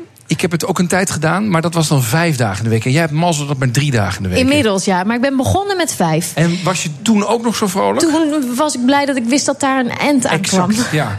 Nee, dat is, uh, daar ben ik heel eerlijk in. Uh, dat, dat heb ik dat ook met de gemeenteraadsverkiezingen nu een tijdje gedaan. En als je weet dat het voor een bepaalde periode is, dan kan ik dat goed uh, mee omgaan. Maar dat is uiteindelijk niet helemaal voor mij weggelegd. Nee, ik goed. moet ook even een moment eruit kunnen stappen. Dat je ergens zon hebt en een soort, soort met van ritme. Ja. Um, we gaan even luisteren naar de audiobeats die Thomas voor je hebt gemaakt. Laat luisteren. Hallo. Ik heb je net gevraagd wat je aan het doen bent op dit tijdstip in het holst van de nacht. Waarom ben je wakker? Nou, er hebben behoorlijk wat mensen gereageerd. Want ja, iedereen is eigenlijk wel wakker. Dat had ik niet verwacht. Tel tot drie. Nou, dan zijn we weg. En twee. Drie. Oh nee. Oké, okay, nou, um, kijk vanmiddag om half vier weer naar Nick. Want er komt onder andere mijn favoriete cartoon, namelijk Estel bij Ginger. De afgelopen week hebben wij iedere dag een partijleider van een van de grote landelijke partijen te gast gehad. En dus ook vandaag. Deze ochtend presenteer ik samen met premier Mark Rutte Ja. als gast hoofdredacteur. Het is negen minuten over half acht. Dit is Goedemorgen Nederland van WNL. Ja, met die Mark Rutte, ja, die, die staat ook iedere dag om vier uur op uh, Ja, vol vrolijkheid, denk ik dan. Ja. Ja hoor, die heeft ook geen uh, energie uh, tekort. tekort Hey, nee. herkende je al de fragmenten? Volgens mij kom ik een heel eind, ja. Ik hoorde Nickelodeon, mm -hmm. programma Ed Nick... Wat, waar ik eigenlijk mee begonnen ben als presentatrice... was voor, de, voor het eerst dat Nickelodeon in Nederland... ook eigen presentatoren kreeg. En daar was ik dan een van de, van de, van de twee van. Uh, en ik hoorde Zoep in Afrika, denk ik. Een film die ik heb gedaan een aantal jaar geleden... toen toen eh, eh, ja, de serie Zoep, wat we de opnamen in Ouwehand Dierenpark, groot succes werd dat we zelfs een bioscoopfilm mochten Mhm. draaien. Nou, eh, dat was echt, de sky was the limit. Het was fantastisch om te kunnen doen. Allemaal naar Zuid-Afrika afgereisd om die film te draaien. Ik hoorde natuurlijk Goedemorgen Nederland. Ik hoorde een fragment uit de, ehm, een nachtradioshow die ik enige tijd heb gepresenteerd op Radio 2. Ik herkende je stem bijna niet. Zo goed gemoduleerd was die. Die klonk helemaal zo warm in de nacht. Nou, hè? Ja. Ja, meer mijn tijdstip Ja. dan blijkbaar. Nee, ik weet niet. Ja, dat klonk eh, inderdaad Heel zwoel. lekker nachtelijk. Ja, dus, en ben ik dan nog iets vergeten? Ik weet het niet. Ik denk, Volgens mij dat, ben ik dat, dat, eh, gorgelende geluid, dat was zoep, denk ik dan. ik denk dat dat een, een of ander groot beest was... wat op ons afkwam waar we voor weg moesten rennen. Dat Ehm, wat, wat vind jij nou, want je hebt eigenlijk heel veel gedaan. Van films tot televisie, tot presenteren, tot nieuws. Wat, wat is een stemacteur bij diverse films, Ja, zag ik ook staan. Ja. Wat, wat, waar, wat is de meeste uitdaging voor jou? Eh, Ik, eh, laat ik beginnen met te zeggen dat ik heel trots ben op het feit dat ik al die verschillende dingen heb gedaan en nog steeds kan doen. Eh, waar ligt de meeste uitdaging? Dat wisselt wel eens. Ik ben echt, eh, heb wel echt een afslag genomen om eh, als presentatrice, presentatrice mij meer te ontwikkelen. Eh, maar daar kwam ineens ook de mogelijkheid om dat op de radio te doen. En ik ben een enorme muziekliefhebber. Dus dacht ik, dat is een goede combi. Zeg, dan kan ik dat presenteren. onder de knie krijgen voor een ander medium. En ondertussen dat afwisselen met platen draaien. Ja. Wat ik het liefst doe in mijn vrije tijd. Maar Dus mag je dan ook jouw eigen muzieksmaak draaien? Want dat is geloof ik AC-? ACDC, toch? Of niet? Ja. Dat kan ook gewoon 's ochtends om kwart voor vier. Hè? Daar heb ik geen enkel probleem mee. Dan rijd ik gewoon woep, in één eh, rechte lijn door naar de Ja, studio. wat is de beste...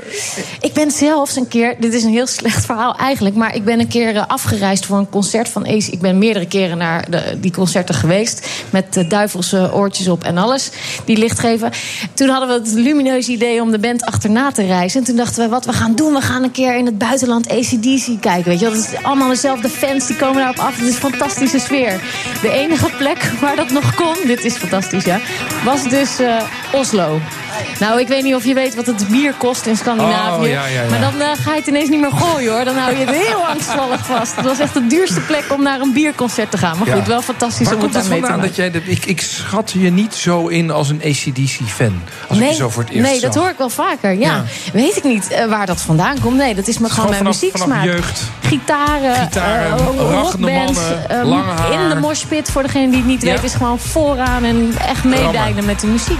Heerlijk. En Fijn dat wij gewoon- een, eh, dit is, dankjewel voor deze. En, en ik, geloof, ik geloof dat jij wel eh, li- lichte amoureuze gevoelens voor de bassist van Metallica hebt, toch? Of niet? dat klopt, ja.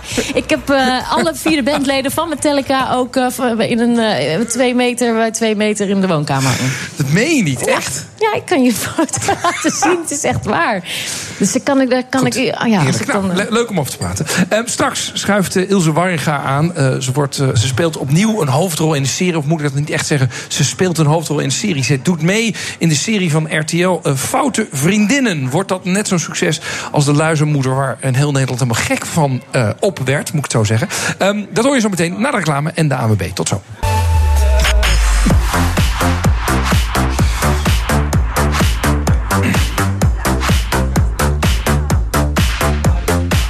Dit is de Friday Move live vanuit de Sky Lounge. Sky, ik heb echt moeite met het woord. Sky Lounge van het Doubletree bij Hilton Hotel hier in Amsterdam. je hebt een co-host, hè? Ik kan het ook een keer van je Ja. overnemen als je wil. Wil jij dat een keer zeggen? Waar zitten we eigenlijk?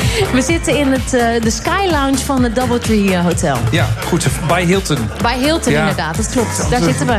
Prachtig uitzicht. Heerlijk, ja. En ondertussen we open. inderdaad... Het is bewezen. Ik heb eh, vier foto's gezien van de leden van Metallica in jouw woonkamer. Ja. Het is echt waar.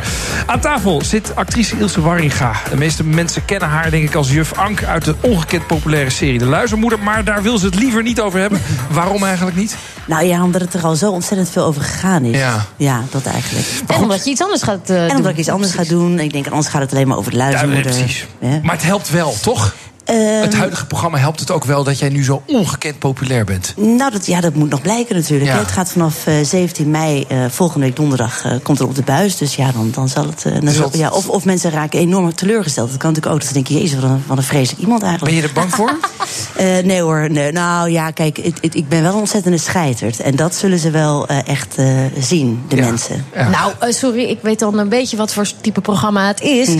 Eh, volgens mij het feit dat je daar aan meedoet... geeft Ja. wel aan dat je eigenlijk toch wel eh, hè, Ja, wat, ja. wat lef hebt. Ik zou er Ja, niet aan beginnen. Nee, maar goed, eh, daarom heb ik ook ontzettend getwijfeld in het begin. Want kijk, deze pilot voor eh, dit programma is al in ehm, november of zo opgenomen. Dus nog voor de hele luismoeder. En toen dacht ik al, ik ben daar echt ongeschikt voor. Dit is niks voor mij, want ik, ik durf niks, ik weiger alles. En, Maar even voor de luisteraars, want niet iedereen kent ja. eh, foute vriendinnen. Eh, misschien kennen ze wel foute vrienden, want het is een soort hè, de mannelijke variant hiervan. Ja. Het, is, het is volgens mij een spin-off van een internationaal programma dat gedraaid wordt. En Ja. eh, leg eens even uit, hoe, hoe, hoe werkt het? Nou, het zijn vier vrienden en eh, drie daarvan hebben een microfoon en fluisteren allemaal nare dingen in, in het oortje van de vierde. En die staat eh, ja, bijvoorbeeld in een, in een schoenenzaak of, of in een slijterij. En die moeten dus de opdrachten uitvoeren die die dus ingefluisterd krijgt. Als voorbeeld? Nou ja, bijvoorbeeld, eh, ik kreeg bijvoorbeeld eh, de opdracht om eh, in, een, eh, in een vishandel met een vis te pakken en met dat mondje van die vis contact te leggen met een jongen. Die jong, eh, die jongen eigenlijk te versieren daarmee. Dus dat was echt verschrikkelijk. En dat kun je dan weigeren. En dat, dat doe ik dan ook best wel vaak. Maar goed, je doet het dan toch. Ja, ik ben gek genoeg dan ook weer heel plichtsgetrouw. Zoals wij allemaal eigenlijk. Kijk, als je achter de microfoon staat, voel je een soort NSB'er. Maar degene die het uitvoert, is dan weer heel plichtsgetrouw. Dus ik begrijp die hele Tweede Wereldoorlog eigenlijk ook weer wel. Met terugwerkende Maar kracht. jij, jij, want, dus jij hebt zo'n dingetje op en dan krijg je elke keer letterlijk een opdracht van ga nu dit Eh, doen. ja, ga nu dit doen. En, en er wordt mij ingefluisterd wat ik moet zeggen. Dus ik mag niks. Ja, ik moet ook wel zelf. Kijk, als ik weiger, moet ik het zelf een draai aangeven. Dus bijvoorbeeld, er wordt tegen mij gezegd. eh, tegen bijvoorbeeld eh, twee oude vrouwen. Oh, zijn jullie lekker aan het scharen? Moest ik bijvoorbeeld een keer zeggen. Houden jullie ervan om samen te scharen? Dat durfde ik natuurlijk niet, want dat vond ik vreselijk gênant. Zei ik, goh, houdt u ervan om eh, lekker eh, een kopje koffie te drinken in de zon of zoiets? Weet je wel, dus dan moet je er ter plekke iets anders van maken. Maar ja, hoe, hoe, eh, hoe meer je durft, hoe minder straf je krijgt. Ja, want als je zoiets weigert of een draai aangeeft... zoals jij net Ja. deed bij die oude dametjes... Ja. dan eh, Ja, dan, komt het je duur te staan. Nou ja, als je heel veel duimpjes omlaag krijgt, dan moet je inderdaad eh, heel veel straffen En van wie komen die duimpjes omlaag? Nou ja, die komen dan van die andere vriendinnen. Die bepalen of je het, of de opdracht wel of niet eh, gehaald hebt. Ja. Is het iets voor jou? Nee, totaal. Het is ook niks voor mij ik- namelijk. nee, maar ik snap Nee. wel waarom jij ja hebt gezegd. Want dat achter die microfoon... Kijk, dat is leuk, Daar hè? zitten de Ja, mogelijkheden. daar zitten mogelijkheden. En dat is leuk, want dan denk je, oh, dat is. ver- Want dan durf je ineens gek genoeg. Dus alles. Dan Ja. heel weinig eh, empathisch vermogen heeft Wat, op zo'n moment. wat, wat is de meest slechte opdracht die jij hebt bedacht? Nou, kijk, de Annemarie heeft een. eh, Annemarie Jong eh, doet mee trouwens. eh, Jelka van Houten, Annick Vijver en Tina de Bruin. Mhm. En Annemarie Jong is, houdt heel erg van kleding en van styling. en ehm, wij hebben. Ja, en wij hebben haar op de première van de voorstelling Color Purple. hebben we haar over de rode loper laten gaan met een werkelijk afzichtelijke outfit. En walgelijke make-up. en, dat, ehm, en daar moest, zij moest over de rode loper. Dus we dachten, hoe kunnen we haar het meeste treffen? Ja, door zoiets verschrikkelijks aan te doen. En door er zo uit te zien. En dat is.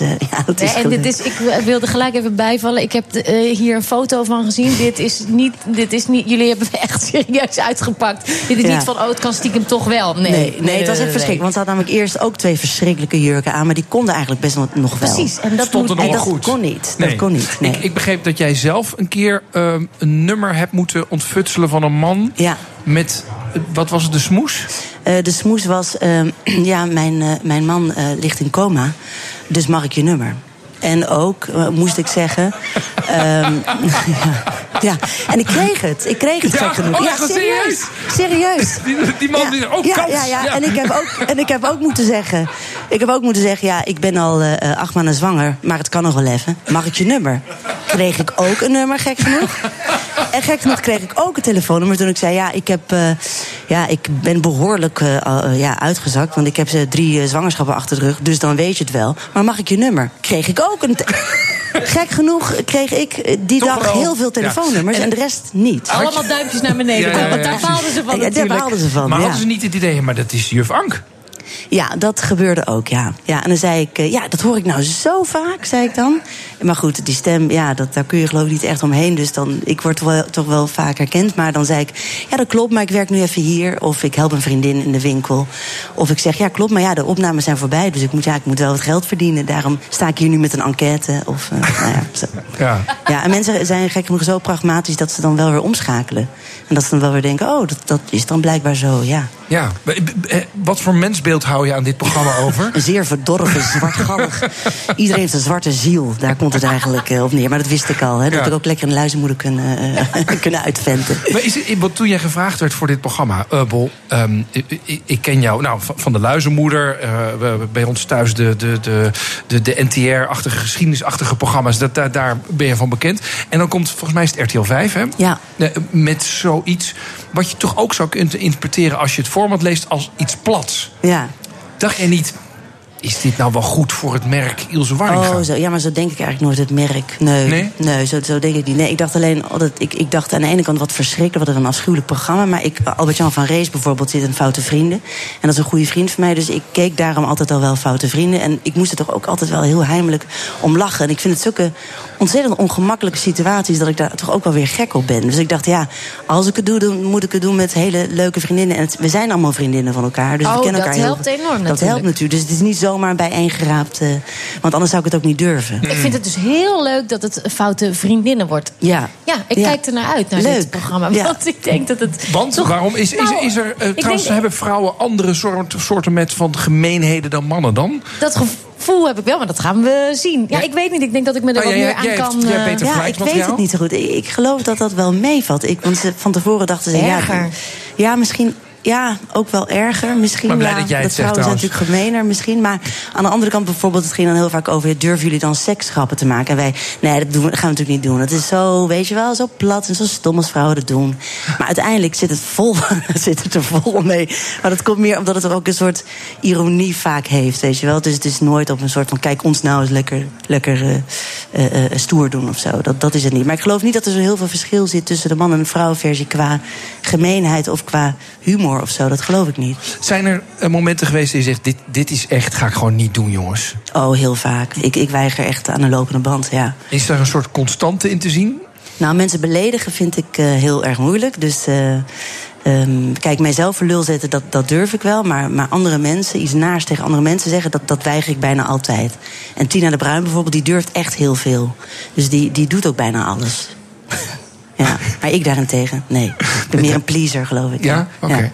Ehm, eh, foute vriendinnen. Komt er ook een, meteen een seizoen 2? Denken jullie nu al van dit wordt eh, zo'n goed succes? Nou, dat weet ik niet. Dat weet ik niet. of Ja, zou je het niet volhouden, een tweede seizoen? Nou, het is wel elke keer zit ik wel elke keer met spanning. Morgen bijvoorbeeld moet ik een straf draaien. En ik weet dus niet wat dat wordt. En Dat ze hoor je weten- op de dag zelf? Ja. Ja, dus dan morgen weet ik pas wat ik. Dus Oh, ik, ik ga zou wel voor elke mij keer. echt al ja, een reden zijn het om is niet ook te kunnen. walgelijk. Het Toch? is ook walgelijk, ja. Dat je gewoon niet weet wat er gaat gebeuren Nee, en dat, ze het al ook wel gaan draaien. Ja, dat is afschuwelijk. Ja. ja, dat is verschrikkelijk. En ze Oh, weten dus mijn angsten, wat ik het allerergste vind. En Wat vind je het allerergste? Ehm, nou ja, kijk, algemeen zeg maar gewoon ja, heel erg in mensen hun aura komen. Dus zeg maar te veel.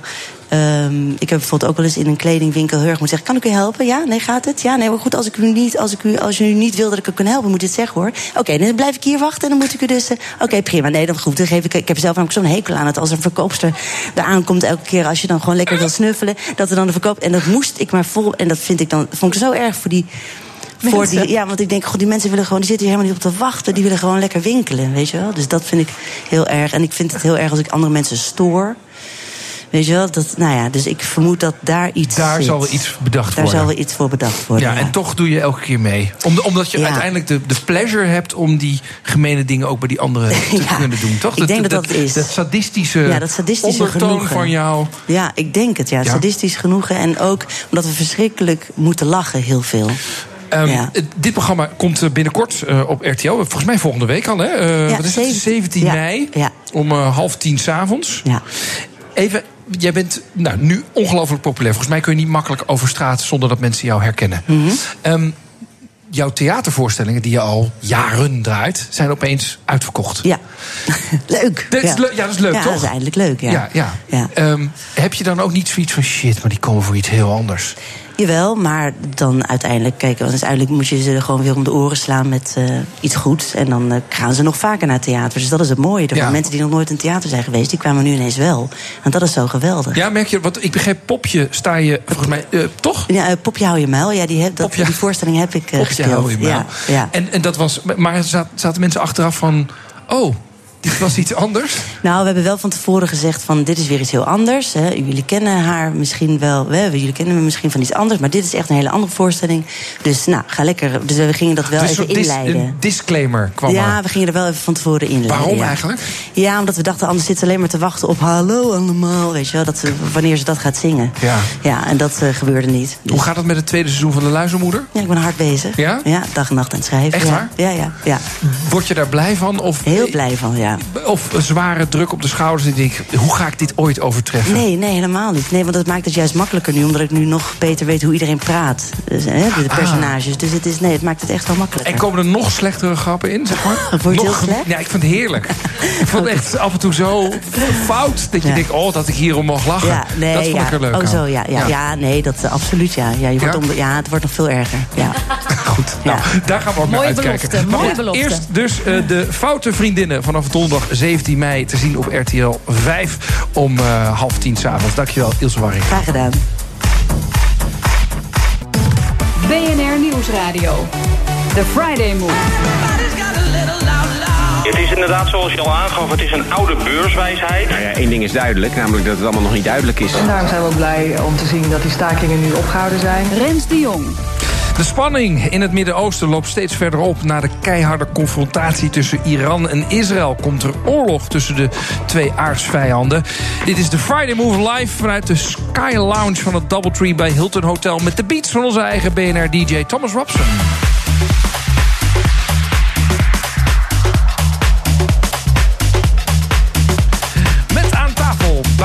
Commentator Bernard Hammelburg, CDA-kamerlid Agnes Mulder, vanochtend geland vanuit Saudi-Arabië, waar ze een werkbezoek heeft gebracht. En natuurlijk mijn co-host van vandaag, Vivienne van den Assem. Goedemiddag. Goedemiddag. Is voor jou ook even wennen om dat te zeggen. Ehm, allen van harte welkom. Agnes Mulder, ehm, met wat voor een gevoel ben je teruggekomen uit Saudi-Arabië? Nou, eigenlijk best wel positief. Want er zijn veel veranderingen gaande, met name de afgelopen 18 maanden. Eh, vrouwen mogen gaan autorijden. Eh, het wordt wat eh, makkelijker voor vrouwen om hun eigen gang daar te gaan. Theaters worden geopend, cinema's worden geopend. Dus er heerst een andere wind en ik ben daar heel erg blij mee. Ja, de Tweede Kamer en het kabinet zijn de afgelopen jaren behoorlijk kritisch geweest over Saoedi-Arabië. Vooral ook over de rol die het land speelt in Syrië, in Jemen en, en, en de mensenrechten situatie. Daar leidde tot veel kritiek. Zeg jij dan nu, nou, de theaters worden geopend, vrouwen kunnen autorijden. Het is allemaal top daar.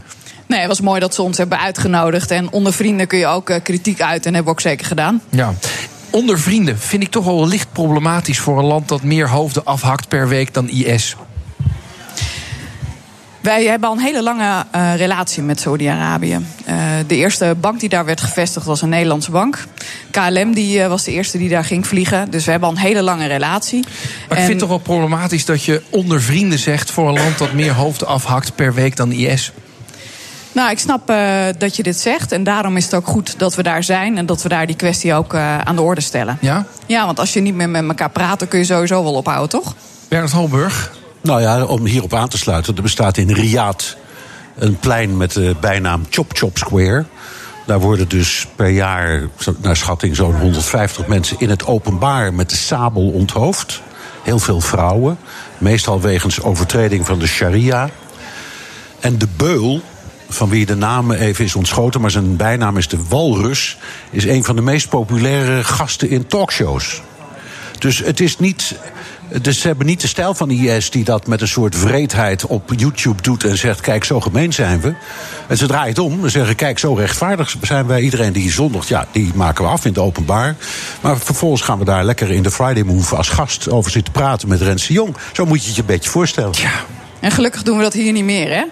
Dat doen we nou een aantal tientallen jaren. Hebben we de doodstraf eh, afgeschaft in Nederland. We hebben daar ook met de Mensenrechten Council gesproken over dit probleem. Want Mhm. dit vinden we echt een heel groot probleem. Het is namelijk ook onherroepelijk, hè?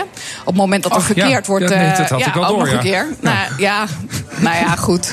Ik, ik snap eh, dat je zo reageert. Tegelijkertijd, als je het niet aan de orde stelt bij dat soort landen, dan is het voor hun in een buitenland beleid ook geen probleem. Hè? Maar, maar, het, maar leg mij dan uit, hoe werkt zoiets dan ehm, als je dat aan de, aan de orde stelt? Wat gebeurt er dan? Dan heb je daar een eh, heel open gesprek over. En natuurlijk vinden zij dat eh, zij op hun manier eh, de dingen goed doen. Ze hebben ook wel gezegd, een aantal dingen doen we niet goed. Eh, moeten we ook anders gaan doen. Maar ik vind wel, als je het niet met elkaar meer kan bespreken... dan ben je nog verder van huis. En wij zijn het daar gewoon niet mee eens dat ze dit doen. Hè. Laten we dat heel helder stellen. We vragen ook aandacht voor eh, mensen eh, die speciaal ook opkomen voor de mensenrechten. Noemen we namen dat ze daar nog eens even speciaal voor ons ook naar kijken. En voeren we daarmee Ja. natuurlijk ook de druk op. Wat onze ambassade bijvoorbeeld ook doet, is dat ze allerlei rechtszaken daar eh, volgen. En daardoor ook druk kunnen uitoefenen op de mensenrechten situatie om die te verbeterd te krijgen.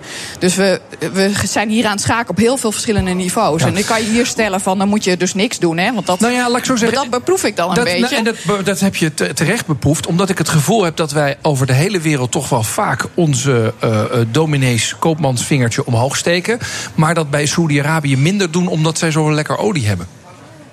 Nee, die indruk heb ik eh, niet. We hebben echt alle onderwerpen deze week besproken. Mhm. En het een is niet meer of minder belangrijk dan het ander. We hebben juist heel erg eh, zijn we opgekomen voor die mensenrechten eh, Ja. situatie. En zeker ook voor de vrouwenrechten. Want ja, je zou maar eerst aan je man moeten vragen of aan je vader of aan je zoon of je op reis mag naar het buitenland.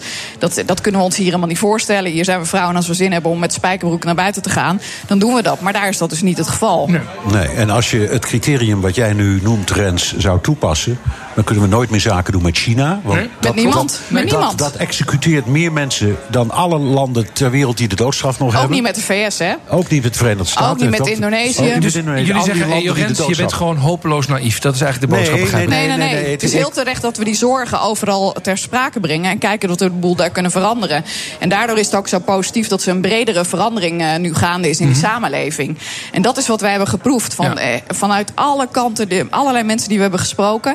En die ontwikkeling kan er misschien ook toe leiden dat op termijn die doodstraf ook eh, eh, daar het land uitgaat. Maar u zegt, we hebben goede gesprekken gehad. We hebben dingen aan de, aan de kaak gesteld. Dat, dat konden we benoemen. Maar hoe, hoe gaan jullie dan weg? Want jullie waren met een delegatie van zeven, Zeven Kamerleden. Dan heb je dat besproken. Oké, bedankt. Jullie komen vandaag terug in Nederland. Hoe gaat zoiets dan verder? Nou, we hebben natuurlijk altijd eh, debatten in de Tweede Kamer. Ook zeker over het Midden-Oosten en ook over Saudi-Arabië. En we zullen dit nog eh, verder natuurlijk in een commissiedebat gaan bespreken. Want niet alle partijen waren eh, mee op reisbezoek. waren zeven, hè? Dus we, we hebben hier nog zeker debatten over. En ik denk ook dat het goed is dat we dat in alle openheid en transparantie... dan weer hier met elkaar bespreken. Niet alleen bij jullie vandaag op de radio, maar ook in het Nederlands parlement. En dat we kijken, wat gaat er goed? Wat kan er misschien nog beter? En hoe kunnen we de relatie verder nog verstevigen... om die veranderingen ook de goede kant uit te helpen? En ik denk dat dat ook onze rol is van, eh, van een Kamerlid zijn. Komt er, ook, komt er ook een verslag gewoon aan, Ja. aan, aan de rest van de Kamer? Ja, zeker. Dat Ja. eh, wordt altijd gemaakt. Ja. En de eerste bericht is natuurlijk gisteren al eh, naar buiten gegaan. Dus we hebben bij elkaar gezeten. Het eerste verslag al eens een beetje gemaakt. Maar ja, wij hechten er toch aan om in het buitenland te kijken van hoe kunnen we eh, aan de slag met het verbeteren van de situatie daar. Want daar hebben wij ook eh, rechtstreeks belang bij. Jullie hebben ook gesproken met de president in ballingschap van Jemen. Die zit in Saoedi-Arabië. Ja, dat klopt. De heer Hadi. Ja. Wat was het gesprek? Nou, op het moment dat wij daar zaten, hoorden we een paar doffe dreunen. En dat waren dus raketaanvallen vanuit eh, Jemen op eh, Riyadh. En dan realiseer je dat die oorlog, hè, die misschien voor ons hier wat verder weg is, daar wel heel erg dichtbij is. Dus we denken dat van eh, groot belang is dat die eh, situatie daar in Jemen wordt opgelost. En eh, de president in ballingschap kan daar natuurlijk ook een bijdrage aan leveren. Die heeft ook aangegeven natuurlijk hoe hij daar de toekomst kijkt, hoe hij naar het verleden heeft gekeken en hoe het dus ook eh, nu gaat. En daar heb je een open gesprek met zo'n meneer over. Hebben wij te weinig aandacht voor die oorlog in Jemen, eh, Bernard? Ja, dat hebben we. Eh, maar dat, het komt omdat wij in dit vak nu eenmaal leiden aan selectieve verontwaardiging. Hè, Je, hebt- je hebt het een, heel lang, een hele week of twee weken lang over het salaris van een bankier. En de rest van het wereldnieuws is weg. Eh, en nu hebben we de vorige week eh, heel erg opgewonden gesproken over een toespraakje van 10 minuten van meneer Trump over Iran. En dan is ook de rest van het wereldnieuws weg. Dus, en dat is nu eenmaal zo. Ik zeg ook niet dat het fout is, zo werkt het nou eenmaal. Maar Jemen, die oorlog in Jemen, die een groot drama is en al vele jaren duurt, is, dat is, het is triest dat we daar te weinig aandacht voor hebben. Dat is, eh, eh, zeg maar, wij nieuwsmedia hebben daar te weinig aandacht voor. Politiek Heeft- ook. Politiek ook, ja? Ja, vind ik wel. Ja. Want? Nou, die, die concentreren zich wel op Syrië. Eh, en niet op Jemen. Eigenlijk. En is dat hetzelfde humanitaire leed als in Syrië? Ja, maar het gaat niet alleen om het humanitaire leed. Het gaat ook om het verschuiven van de, van de schaakstukken op het eh, geopolitieke schaakbord. Dat is een, die oorlog daar in Jemen is wat ze dan, het is een, een, een- wat ze dan noemen een proxy war. Tussen Saudi-Arabië en Iran. En dat. En de proxy war moet je en even dat- uitleggen. Dat, is dan, dat betekent, dat, betekent dat je dus niet rechtstreeks Nee, tegen elkaar vecht, maar Ja. dat je anderen eh, die een beetje geassocieerd of politiek geëngageerd zijn met elkaar laat vechten of daar zelf aan deelneemt. Ja. En dat is een beetje de, de het heet een vazallenoorlog in goed Nederlands. En dat gebeurt dus nu ook in. eh, tussen Iran en Israël. En nu is plotseling de wereld klein. Iedereen heeft het daarover. Mhm. En ik zie niet precies hoe dat nou komt. Dat kan ik niet Agnes verklaren. Mulder. Nou, kijk, wat voor ons altijd belangrijk is als handelsnatie, zeg ik dan maar eventjes. eh, als je het dan hebt over je belangen in, eh, in die regio. Is dat daar een dusdanige stabiliteit heerst. Ik zeg maar even heel plat, dat onze schepen ook overal gewoon eh, naartoe kunnen.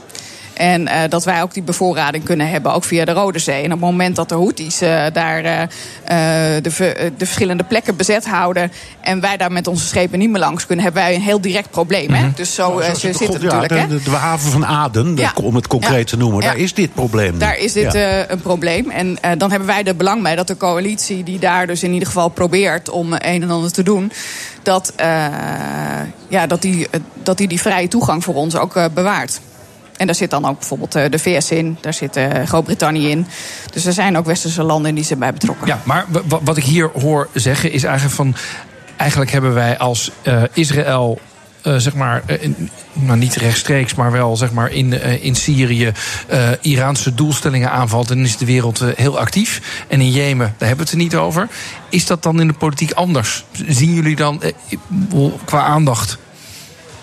Nou, ik denk wat een groot verschil is, eh, wat we ook eh, eh, merken, is dat de Jemenieten heel erg in hun eigen land ook blijven. Hè. Dat, ma- dat maakt die cri- crisis daar natuurlijk ook nog steeds veel groter. Ja. En er zijn natuurlijk ook heel veel mensen gevlucht uit, uit Syrië Mhm. richting Europa. Dus dat heeft een andere dimensie daardoor gekregen. Je ziet hier veel Maar het minder is eigenlijk ook lastig voor je als politicus om dan. Want Syrië is, is dichterbij bij ons, omdat we Syrische vluchtelingen hebben. We hebben nauwelijks Jemenitische vluchtelingen.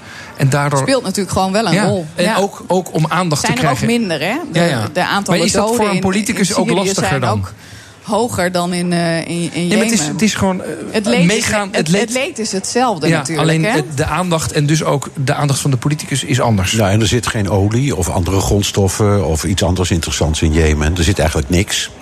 Dus dat maakt, dat maakt ook wat uit hoor. Eh, je maakt je minder druk om, eh laat ik zeggen, om Tjaad dan om Congo. Want dat heeft een enorme hoeveelheid grondstoffen. En je maakt Ja, je dus minder druk om Jemen dan om Saudi-Arabië. Want dat heeft enorm veel grondstoffen. Maar het heeft zeker de aandacht van het parlement. En we geven daar ook ontwikkelingssamenwerkingshulp ook Mhm. voor. Want het is echt groot leed, Ja. ook daar.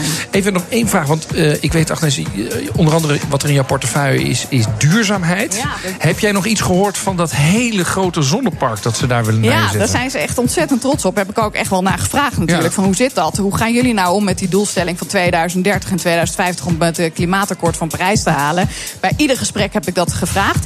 Ze zijn er allemaal mee bezig. En ook dat had ik misschien niet zozeer verwacht van zo'n oliestaat. Maar ik begrijp en dat ze een zonnepark positief. willen neerzetten dat 100 keer zo groot is als het grootste park dat nu in de planning ligt. Ja, ze wereldwijd. zijn echt gewoon, eh, ze willen voorop gaan lopen en eh, op alle fronten. En dat merk je in die samenleving. Ik vond het een positieve afdronk, maar het moet toch wel gebeuren, zeg Ja, precies. Want het is, de, de spaden zitten nog niet in de grond en Nee. het geld is er nog niet, toch?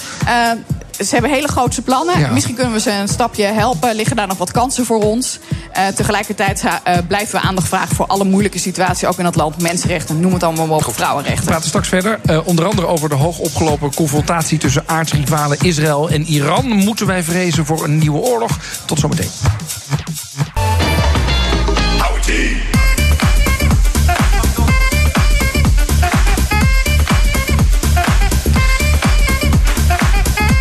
Het, eh, er mag gedanst worden ook in de Friday Move. We zitten hier in de Sky Lounge van het Doubletree bij Hilton Hotel. Ik krijg het steeds beter uit mijn mond.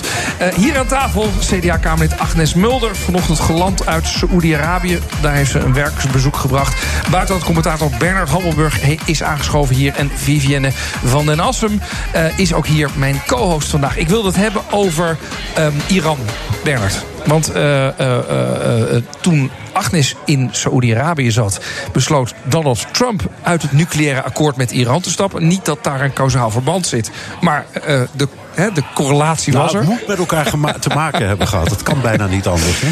Ehm, wereldwijd is er weinig begrip voor het, het, het plan van Trump. Nou, dat is niet waar. Alleen de, de manier waarop iets speelt is weinig eh, ehm, begrip voor.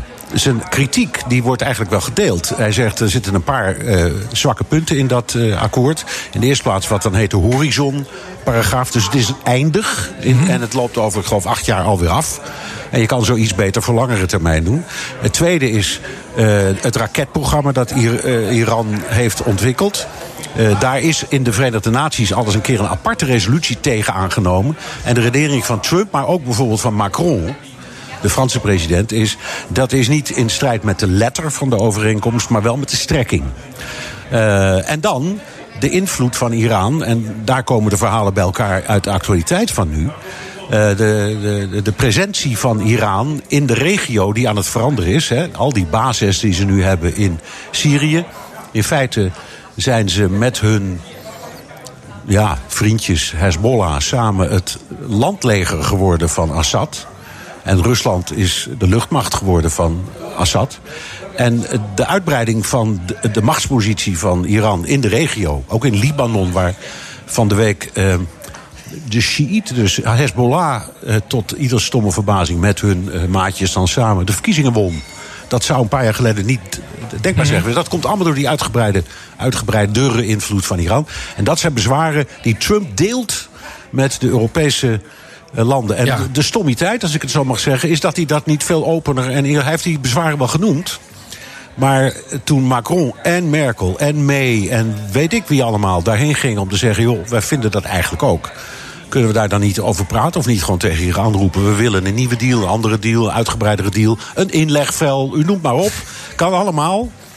Eh, en daar ro- roep je dan keihard nee tegen. En, en ook op een hele onaangename, eh, eh, ja, eh, vreselijke manier. Dat schieten uit de heup. Oké, maar dus, dus eigenlijk zeg jij, Trump heeft wel gelijk, alleen hij brengt het zo lullig. beslist een punt, laat ik het zo zeggen. En, en, en wat hij beweert is niet in strijd met wat de meeste Europese leiders vinden.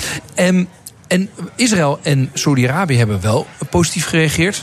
Ja, in het, de uit- is zijn, dat logisch? Dat zijn de nieuwste gelegenheidsvrienden.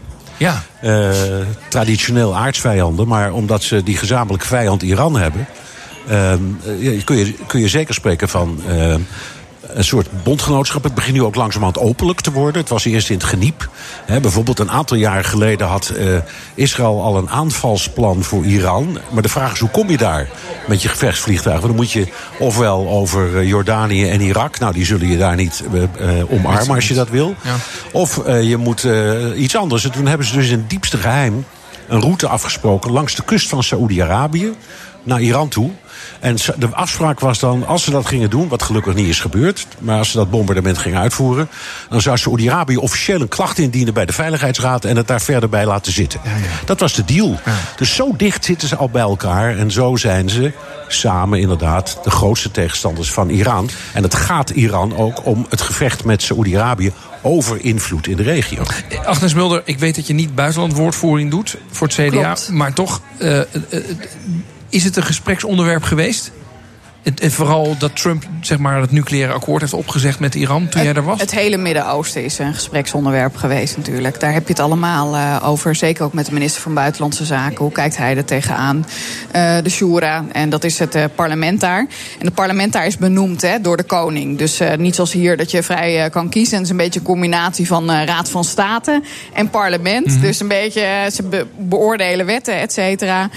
Maar eh, het is toch wel een heel ander parlement dan hier. Ehm, dus de, de koning en de koninklijke familie die, eh, die beslissen natuurlijk uiteindelijk allemaal. Het is één groot Maar familiebedrijf ze- daar. zeggen ze daar dan iets openlijks over tegen jou? Of is dat iets van, dat gaat jullie niets aan? Nou, kijk, wat, eh, toen wij eh, eh, bij die Jemenitische president zaten en die, die, raketten daar aankwamen. Ja, dan, dan zie je natuurlijk het wel het persbericht wat, wat ze uitbrengen vanuit het leger. Dat ze zeggen van ja, dit is vanwege Iran. Dus dat krijg je allemaal uit de media wel mee natuurlijk. En ik denk dat, dat, dat we die rust juist heel erg hard nodig hebben in, in de regio. En het, het CDA is eigenlijk bij het ontstaan van dat akkoord waren we al kritisch. Hè? Dus ik snap ook de kritiek van, van Trump wel. En ik vind dat we, dat we het daar ook over moeten hebben in het parlement. Van hoe kijk je hier nou tegenaan? En ehm, levert ook eh, Iran wel wat ze hebben beloofd? Oké, ehm, dan komt er iets bij. Namelijk Trump zegt die, eh, die deal op. En opeens begint Israël eh, eh, eh, eh, Iraanse doelen in Syrië aan te vallen. Ik denk dan, met mijn bekende... Kan geen eh, toeval wezen. eh, dat kan geen toeval Nee, wezen. nee, nou dat is tot op zekere hoogte waar. Maar het was een plan waar ze al heel lang mee bezig zijn. En waar ook al eerder onderdelen van waren uitgevoerd. Want Israël heeft de afgelopen jaren iets van 100 keer bombardementen uitgevoerd in Syrië. Voornamelijk op Hezbollah, dat tussen de 40 en 100.000 raketten heeft gericht op Israël. Dus van tijd tot tijd dan schakelen ze batterijen uit. En de laatste tijd zijn die bombardementen toegenomen omdat er steeds meer Iraanse bases zitten. Eh, met Iraanse soldaten, eh, onderdelen van de Al-Quds-brigade. Dat is dan weer een, een elitegroep van de Republikeinse gardes. Die vechten gewoon mee. En daar eh, heeft Israël dan steeds aanvallen tegen. Het is nu voor het eerst, en dat gebeurde wel merkwaardig, dicht bij elkaar. Dat geef ik je toe, Rens. Ehm, dat, voor het eerst eigenlijk dat er een Iraanse, rechtstreeks Iraanse aanval is geweest op Israëlisch grondgebied vanuit Syri- een, een, een Iraanse basis in Syrië. En daarop heeft Israël ehm, iets van, ik denk, 70 verschillende doelen geraakt in eh, Sy- Syrië. En dat zijn allemaal Iraanse faciliteiten. Een luchtmachtbasisje, een... een, een, Maar als ik er door mijn oogharen naar kijk, Bernard... Ja. En, en, en als ik, ik weet dat de nieuwsberichten alleen eh, eh, een, een onvolledig beeld geven... dan heb ik het gevoel, jongens, dit is aan het escaleren. Ja, en de grote, naar mijn idee, de hoofdrolspeler in dit, in dit verhaal heet eh, Vladimir Poetin. Dat is degene die het kan en hopelijk ook gaat oplossen. Lijkt me En- niet een heel de-escalerend man. Jawel, in dit Oh. geval heeft hij heeft een belang. In de eerste plaats, hij heeft traditioneel altijd een belang gehad bij Syrië. Omdat ze daar de enige ehm, militaire basis, een marinebasis, hebben buiten Rusland. Al, al nog uit de tijd van de Sovjet-Unie. Dus dat, die willen ze bewaren. Dus Syrië is, strategisch belangrijk voor ze. Iran is een beetje een indringer geworden. Ze hadden niet gerekend. eh, wel op eh, Iraanse steun, maar niet op dat ingraven daar en het innemen van meer posities. Nu heeft eh, Israël op, eh, in september 2015, toen Rusland begon te bombarderen, een deal gemaakt met Rusland. En die luidde: jullie krijgen van ons alle spionagerapporten over wat zich in Syrië voltrekt. En wij vliegen er elke dag overheen met eh, verkenningsvliegtuigen. Eh, in ruil daarvoor moeten jullie ervoor zorgen dat Hezbollah zich niet tegen ons keert. Wat ze voor die Assad doen, dat moeten ze zelf weten, maar niet tegen ons. En toen heeft Poetin gezegd: deal, gaan we doen. En nu loopt die deal een beetje bij hem uit de hand. En hij heeft daar dus de pest over in. En vindt, het, je kunt niet zeggen dat hij nou een innige vriend is van Saudi-Arabië of van Israël. Maar hij koestert meer sympathie voor dat standpunt dan voor het Iraanse. Dus naar mijn idee wordt de komende dagen en weken wat spannend worden. Is kijken wat gaat Poetin proberen. En wat om zou hij te- kunnen doen? Hij zou eh, Iran eh, kunnen, als hij het slim doet, kunnen zeggen. eh, ik begrijp wel dat jij- jullie daar zitten. Eh, De Israëli's hebben laten zien dat het onaanvaardbaar is. Eh, dat is wat het is, maar wees nou, maak nou een gebaar. Dus bijvoorbeeld, begin eens met eh, een aantal van die bases... met veel poeha en zichtbaar voor iedereen op te heffen. Dan zitten jullie er nog steeds, maar dan lijkt het alsof je het afbreekt. Dat is voor de, Is- voor de Israëliërs een de-escalerend symbool. En dan houden die zich ook weer een beetje koers. Zo die kant uit. Dat lijkt mij typisch. Je, denk aan. De- de- Denk even, stel je eh, Poetin voor, dat een beetje brommerig. En Lavrov, die, die inmiddels toch wereldberoemde minister van Buitenlandse Zaken... met altijd wat die cynische, maar ook wel kalmerende toon vaak... die zie je zo'n boodschap ook wel overbrengen tegen de Iraniërs. Dus ik denk en hoop dat het die kant op gaat. Als dat niet zo is, zie ik ook door mijn eh ooghaartjes... een hele enge situatie ontstaan. En wat dan- vind jij daar eng aan? nou, dat als er een rechtstreekse oorlog zou komen tussen eh, Israël en Iran, die, die, die, die valt niet te winnen. Die valt niet te winnen. daar komt geen winnaar uit. Daar komt geen winnaar uit. Zoals geen enkele oorlog na de Tweede Wereldoorlog Nee, ooit nog door iemand is gewonnen. Ja. Dit is maar is dat dan, stel dat dat gebeurt, even een Ja. scenario denken. Ik heb dan het gevoel dat we er met z'n allen dan ingezogen worden. Ja, dat zou heel goed kunnen. Want eh, de, vraag, nou, de grote vraag is dan wat Trump met zijn grote mond... die dus Israël citeerde in, in die tien minuten toespraak... en ook zei wij, eh, wij denken aan onze bondgenoten, die komen te hulp... Als dit gebeurt, moet ik nog zien dat Amerika zich bijvoorbeeld aan de Israëlische kant opstelt en mee gaat doen. Ik geloof er helemaal geen donder van. Ik denk dat het niet gebeurt. Dus dan zijn het die twee landen die aan elkaar gewaagd zijn. En dat is inderdaad erg gevaarlijk. En het is heel vervelend voor onze eigen belangen. Voor de olie, voor de olieprijs, voor de, de, de doorgang van verkeer. Voor heel veel bedrijven die al hadden gehoopt op deals en escalatie in dat gebied. Het zou een ramp betekenen. Maar Bernard, is het dan echt nu gewoon een kwestie van afwachten eh, Nou. voor, voor de Europese landen? Voor, eh, de, de- Spelen wij een rol? Spelen wij een rol? Jawel, ja. nou ja, in- in de- in Omdat die- je zegt van we moeten wachten tot wat Poetin gaat doen.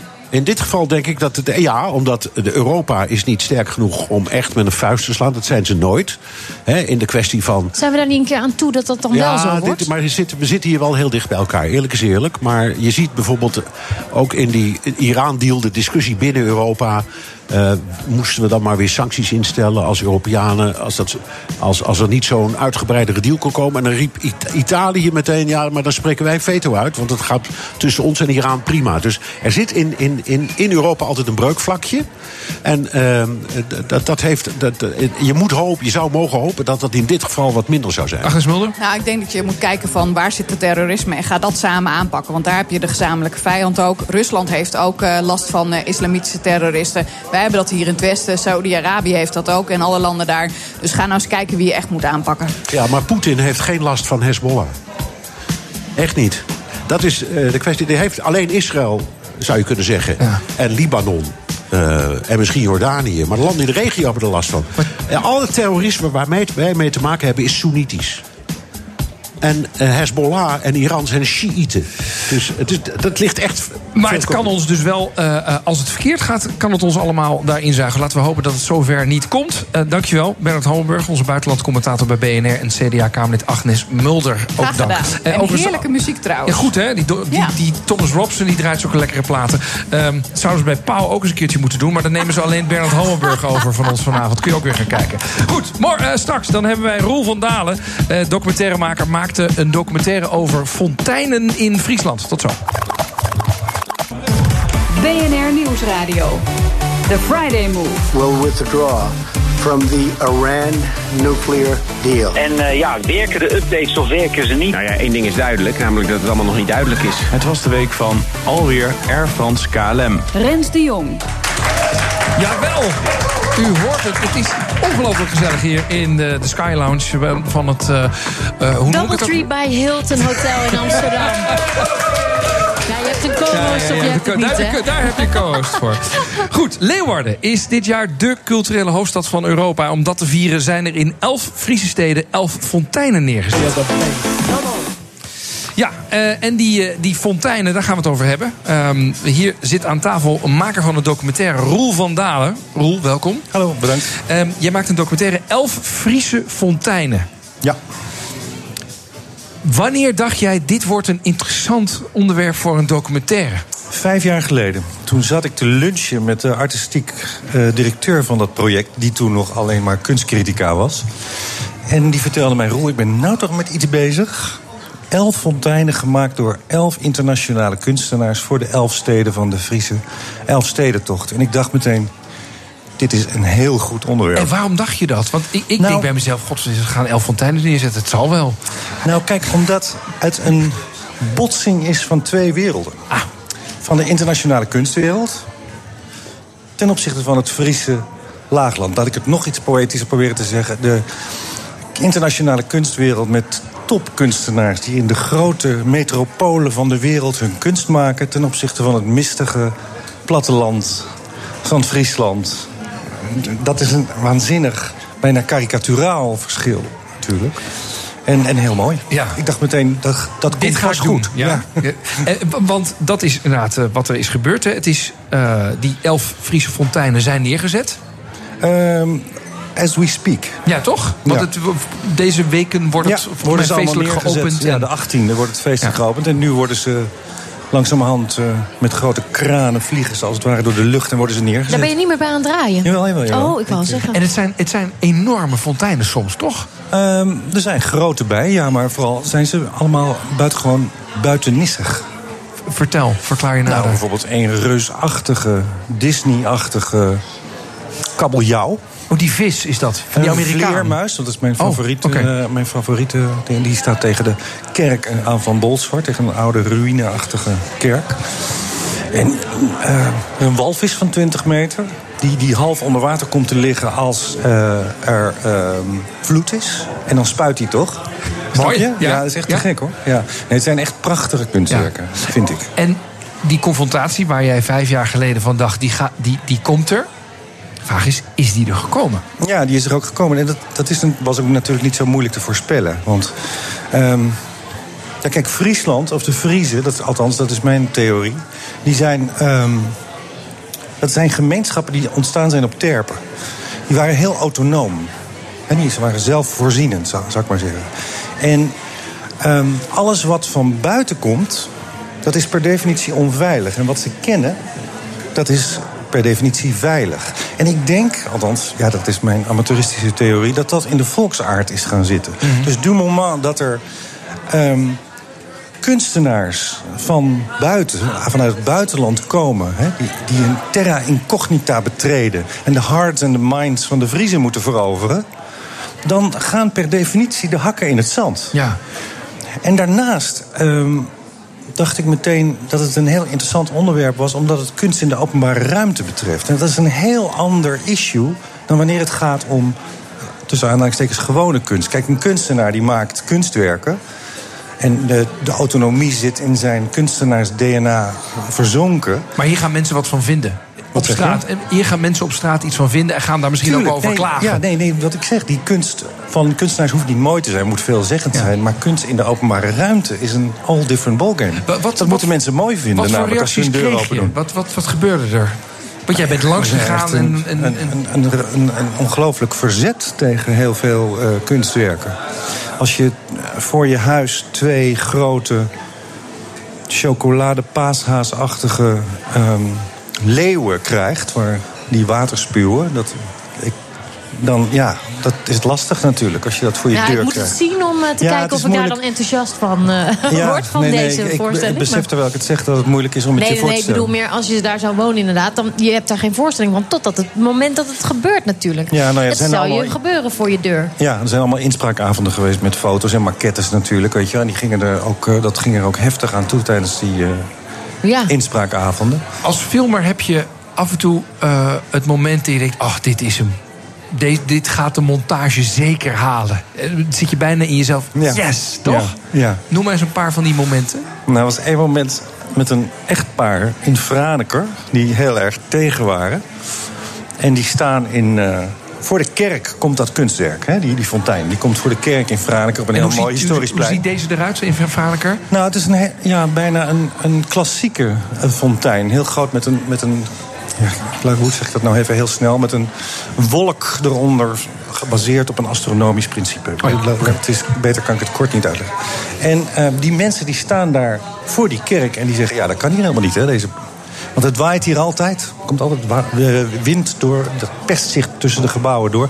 Dus dat kan helemaal niet. Dit wordt nooit een plek waar mensen zullen zitten voor de lol. Want dat hopen natuurlijk de organisatoren. Dat Mensen een gaan plek zitten wordt, een kijken, fontein, ja, het middelpunt van, de, van, de, van, de, van, het, van een gemeenschap. Hij zegt, hier komt nooit iemand, het waait hier altijd, er zit hier geen kop. En vervolgens, terwijl ik aan het filmen ben, zie ik in mijn ooghoek iemand heel lekker in de zon zitten voor de kerk. Dus ik vraag aan hem, terwijl ik de camera op hem gericht houd. Dus, de- dus er komt hier echt nooit iemand om te zitten. Nee, zegt hij, nee, nee, er komt hier geen kop. En ik draai met de camera heel langzaam naar rechts... en er komt een heel leuk meisje die daar haar fiets had neergezet in beeld... die lekker in de zon zit. Dat was een werk gouden moment.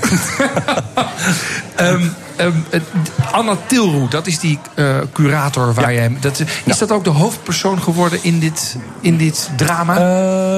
nou, ik zou het geen drama noemen. drama, ja, ik vond het ook wel wat gewaagd. Maar... Ehm, en nou, ze neemt een hele importante rol in natuurlijk. Ja. Ze, ze is de initiator, de, de, de, degene die het verzonnen heeft. En eh, ze is ook een beetje het olievrouwtje tussen die twee werelden die ik net probeerde te En hoe schetsen. doet ze? Want dat lijkt me het lastig. Dus je bent, want er werd nog gezegd: waarom zijn dit geen Friese kunstenaars? En haar antwoord was: joh, we halen hier de Ronaldo's en de Messi's van de wereld naar Friesland. Dus eh, Nee, nee, nee. Haar antwoord is, is anders. Haar antwoord is ehm, dat vreemde ogen meer zien over dan de Friese zelf. Dat is, een, dat is natuurlijk een. Ja, dat zou je kunnen geloven dat dat zo is. Dat, je, dat, dat vreemde ogen, een andere blik hebben op de gemeenschap dan de mensen zelf. Waarin Ja. die alles als, als gewoon en normaal ervaren. Dat kan wel zo zijn, maar die Friesen zelf hoeven dat natuurlijk helemaal niet te pikken. Nee, die vinden op dat ook. Nee, die vinden dat ook niet. Terwijl, althans, ni- niks ligt natuurlijk in steen gehouden. Dus, ik bedoel, er zijn ook veel mensen die het mooi vinden. Maar de tegenstanders hoor je natuurlijk altijd meer. Heb je ook vijandigheid ontmoet? Eh, nee, nou, vijandigheid, boosheid. Dat, bedoel je dat? Ja? Ja, nee, nee, zeker. Mensen waren echt woedend soms. Echt. Terwijl het al in zijn geheel natuurlijk eh, het feit dat het culturele hoofdstad is, dat is iets waar iedereen trots op zou moeten zijn. Ja, natuurlijk. Dat, dat vond iedereen leuk. En het is een mooie gelegenheid om voor Friesland om zichzelf te presenteren. En dus het wringt ook een beetje met dat buitenlanders vervolgens worden binnengehaald. Ja, maar goed, dat En- hoort er wel misschien een beetje bij. Alleen Ja. totdat mensen dat ineens hoorden, daarmee veranderde Ja. de sfeer. Ja, maar kijk, op het moment dat je gaat ingrijpen in de leefomgeving van mensen, dan zijn de rapen al snel gaar. Jij zei net, ik moet jou wel een hand geven met, met de linkerhand in plaats van met de rechter. Want ik ben wel door een slager van Bolzwart zo hard in mijn hand geknepen... dat ik nu al vijf weken geen handen meer kan Hij geven. kan, hij kan zijn glas nog wel eh, dat nog vasthouden. net, maar een hand geven. Is dat niet vijandigheid die je dan toch ontmoet hebt... wat je nog niet zo gelabeld hebt? Nee, nee. Vijandigheid richting de documentaire maken. er komt- er weer zo'n man uit Amsterdam... die een beetje, die, ik zal hem eens even heel hard in zijn hand knijpen. Ja, nee, nee, het, het, het- ja, de- je, hebt gelijk. Het, is, het doet nog steeds pijn. En ik, kan, ik heb een enorme bloeduitstorting in mijn hand van een, slager die eh, zei dat hij. Toen ik hem mee confronteerde, dat ik zei: van, Man, wat doe je? En toen zei hij: van Ja, wij geven in Friesland nu eenmaal stevige handen. Ik weet niet waar het vandaan komt, maar het, ik heb er nog steeds last van. eh. maar ik heb, hem, ik heb hem nog niet gemonteerd. Ah, hij kan nog kapot in de montage. ja, ja. ik hoop niet dat hij luistert. Nee, dat, dat, dat- we zenden niet uit daar. Ehm, wanneer, eh, wanneer kunnen we het zien? De 20ste van deze maand. 20 NPO mei. 2 is de eerste uitzending, 27 mei. 3 juni en 21 mei gaat hij in Snake de bioscoopversie in première. En eh, het draait eh, op allerlei plekken in Nederland. Maar in de bioscoop ook. In de bioscoop ook. Elfvriesefonteinen.nl Goed, gaan we kijken. Eh, dankjewel. Roel van Dalen. Yep. Straks de slotfase van de Friday Move. Praat ik onder andere met Vivienne van den Assen. Maar eerst even reclame en de ANWB. Tot zo.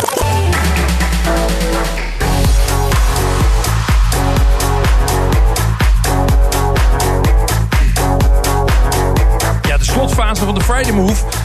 Met de, de beats van eh, DJ Thomas Robson. Kan ik jou vanavond ook nog ergens zien, Thomas, of niet? Nee, het is gewoon, je hebt ook gewoon een barbecueetje thuis en eh wijntje erbij. Vrije avond. Oké, nou goed, dan moet u er gewoon nu van genieten.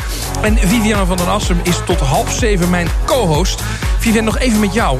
Jouw carrière bij WNL, eh, Goedemorgen Nederland. Jouw collega Roos Mogré is verhuisd naar één Vandaag. Inderdaad, begin van dit jaar. Ja. Dan zijn er ook momenten waar jij denkt... ehm, wat, wat ga ik nog doen? Toch of niet? Tuurlijk, altijd toch? Nou, Ik ben, of tenminste, ik wel hoor. Ik ben altijd aan het denken van eh, wat, ga- wat, wat, wordt- het volgende? Wat zou ik graag willen? Hoe zou ik me willen ontwikkelen? en wat is het antwoord daarop? Heb je, leuk heb je dat je dat vraagt. Eh, nou, ehm, ik ben v- vooralsnog heel blij met... Tuurlijk, snap ik. nee, nee, nee. Wat, met wat ik, waar ik nu zit. Maar ook dat ik eventjes weer een, een zomerstop heb. Dat die Oh ja. wekker even niet zo vroeg gaat. Het is anders dan bij de late night programma's bij de NPO. Maar helaas gaat de ochtend niet de hele zomer door. Daar ben ik enigszins blij mee, want dan kan ik dus eventjes uitslapen. Ehm, maar ja, ik ben eigenlijk. Ja, ik doe naast het presenteren, je noemde het eerder al, eh, ook soms nog wel wat acteerwerk. En wat stemmenwerk. En dat soort dingen gaan gelukkig ook nog gewoon door. Wat ga je nog doen? Nou, ik, eh, er zit misschien eh, iets moois aan te komen eh, van een film die ik eerder gedaan heb. Waar we misschien een soort vervolg op gaan krijgen. Dus dat, dat Als hangt. stemacteur of als acteur? Als Act- actrice, ja, ja, ja, ja, ja. Dus dat, daar, dat is spannend. Dat ik hoop heel erg dat dat doorgaat. gaat, maar dat weet ik nog niet zeker. En ik ga binnenkort ja, verder met een stemmenklus voor een film... waar ik dan de nasynchronisatie Is dat van leuk om doe. te doen? Ik vind dat superleuk Ja, om te doen. dat lijkt me ook echt geweldig. Ja, want je krijgt, je zit echt in een studio, je krijgt alles te zien. Er is natuurlijk al ge- geacteerd en gewerkt. En jij moet er met jouw stem de, ja, weer een eigen draai aan geven. Maar wel binnen de kaders van dat wat gemaakt is. De man die overal met zijn stem ook een draai aan moet geven is eh, Jelle Maasbach. En die presenteert eh, straks om half zeven Beurswatch. Dag Jelle. Goedenavond, hey. Waar ga je het over hebben? Uh, over heel veel dingen. Want je dacht dat uh, de Friday Move een feestje was. Maar om half zeven gaat het gewoon uh, door. Dus ik zou zeggen, blijf luisteren. Onder meer over de Air France KLM-soap. Die geklapte Iran-deal. Natuurlijk alle kwartaalcijfers. ING, Aal Delhaize, PostNL. Alle grote Amerikaanse namen. En we gaan het hebben over Boonga Boonga Facebased Berlusconi. Hoe dat zit, dat hoor je dus om half zeven met Jim Theopoering en Bob Homan. Goed, um, heel goed om te horen, Jelle Maasbach. Um, jij zegt, ik heb nog wat klussen die eraan komen. Uh, deze zomer neem je, wat ga je dan als je niet werkt doen? Op vakantie. Oh, oké. Okay. Heerlijk. Uh, ja, wil je weten na waar ja. naartoe? ja, precies. Nee, ik, ik, ben benieuwd, ben jij zo'n soort Frankrijkganger met, uh, met, uh, met laten we zeggen, tentje? Of ben je heel avontuurlijk en ga je overal de wereld Nou, ik begin met een mooie stedentrip. Ik ga Sint-Petersburg bezoeken. Oh, interessant. ja, absoluut interessant. Ik ben er al eens eerder geweest. Ik ben heel benieuwd hoe het daar nu is. Een aantal jaren later, wat er weer allemaal... ja, er zijn toch dingen veranderd. Ga je dat merken. Um, dus daar ga ik naartoe. En ik ga inderdaad ook even goed ingeschat van jou... naar, de, naar de kust van Zuid-Frankrijk. Ah, oké. Okay, heel goed. En, en dan ga je dan ook nadenken over uh, de rest van de carrière. Ja, ja, Zijn ja. er nou nog droomprojecten die je oh, dat zou ik nog echt heel graag gaan doen? Poeh. Um, nou, ik, ben niet, ik ben altijd een beetje voorzichtig met het uitspreken van dat soort dingen. En dat heeft niet te maken met dat ik niet de ambitie heb, maar Mhm. meer met dat ik, dat ik weet hoe uh, mijn vakgebied zich soms ontwikkelt. Dat ik dat lastig vind om. Uh, om want als ik iets heel graag wil, Ja. dan, dan, Dan moet je toch altijd zeggen, Zorg of ik daar ook voor. Jawel, maar dat, dat hoeft niet voor mij niet, Niet zo in nodig openbaarheid. nee, nee, ik wil daar zelf altijd een beetje naartoe bewegen. Maar als je me zo vraagt, uh, we hadden het net even over film. Daar ligt wel echt een passie van mij. Ja. Dus als ik, ik heb ooit in het verleden ook bijvoorbeeld een filmfestival georganiseerd. Zoiets, wat dan dus echt heel iets anders is dan uh, wat je nu de afgelopen uur met mij besproken hebt. Dat, dat vind ik ook wel heel te gek om En zo kun te doen. Of te dat- acteren in een bioscoopfilm. Nou, Ja, dat ja, is gewoon precies. gaaf. En kun je dat combineren met zeg maar eh, eh, journalistiek werk? Is dat, is dat te doen? Ja, denk wel. Ja? Ja, je moet het goed plannen. En je nee, moet, dat, maar dat snap ik. Maar vanuit de kijker, zeg maar. Dat ik, jou, ik zie jou in een speelfilm en daarna zie ik jou het nieuws presenteren of wat dan ook. Ja, nee, denk het wel.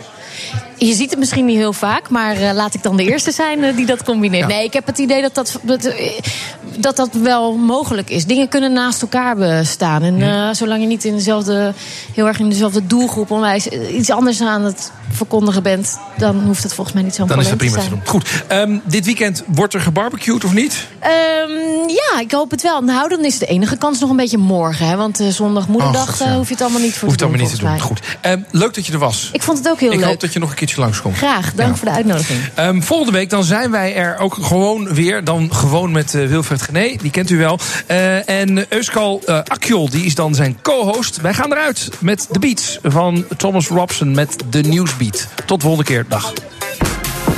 After these consultations, it is clear to me that we cannot prevent an Iranian nuclear bomb.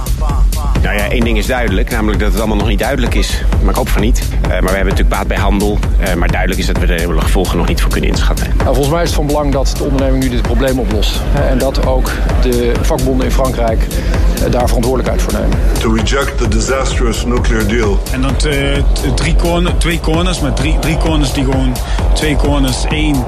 eh, Complimenti, siete così bravi che mi viene voglia di invitarvi al Bunga Bunga.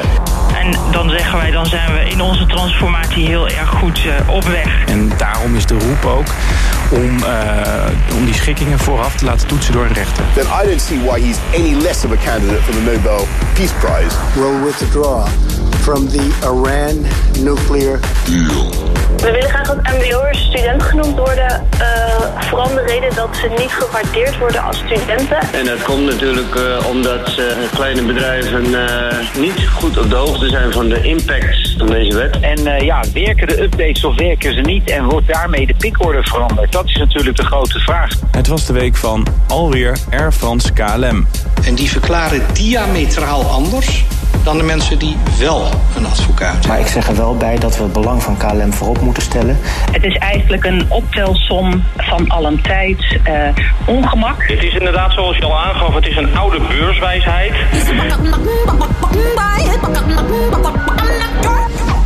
Bonjour, nous sommes Hema. De directie heeft al gereageerd en die heeft gezegd... ja, we gaan voorlopig niet uh, onderhandelen. We roepen iedereen op die belasting betaalt op zijn vermogen... of bezwaar aan te tekenen. Nou ja, één ding is duidelijk, namelijk dat het allemaal nog niet duidelijk is. Maar ik hoop van niet. Uh, maar we hebben natuurlijk baat bij handel. Uh, maar duidelijk is dat we de gevolgen nog niet voor kunnen inschatten. And finally, the last country that goes to the final is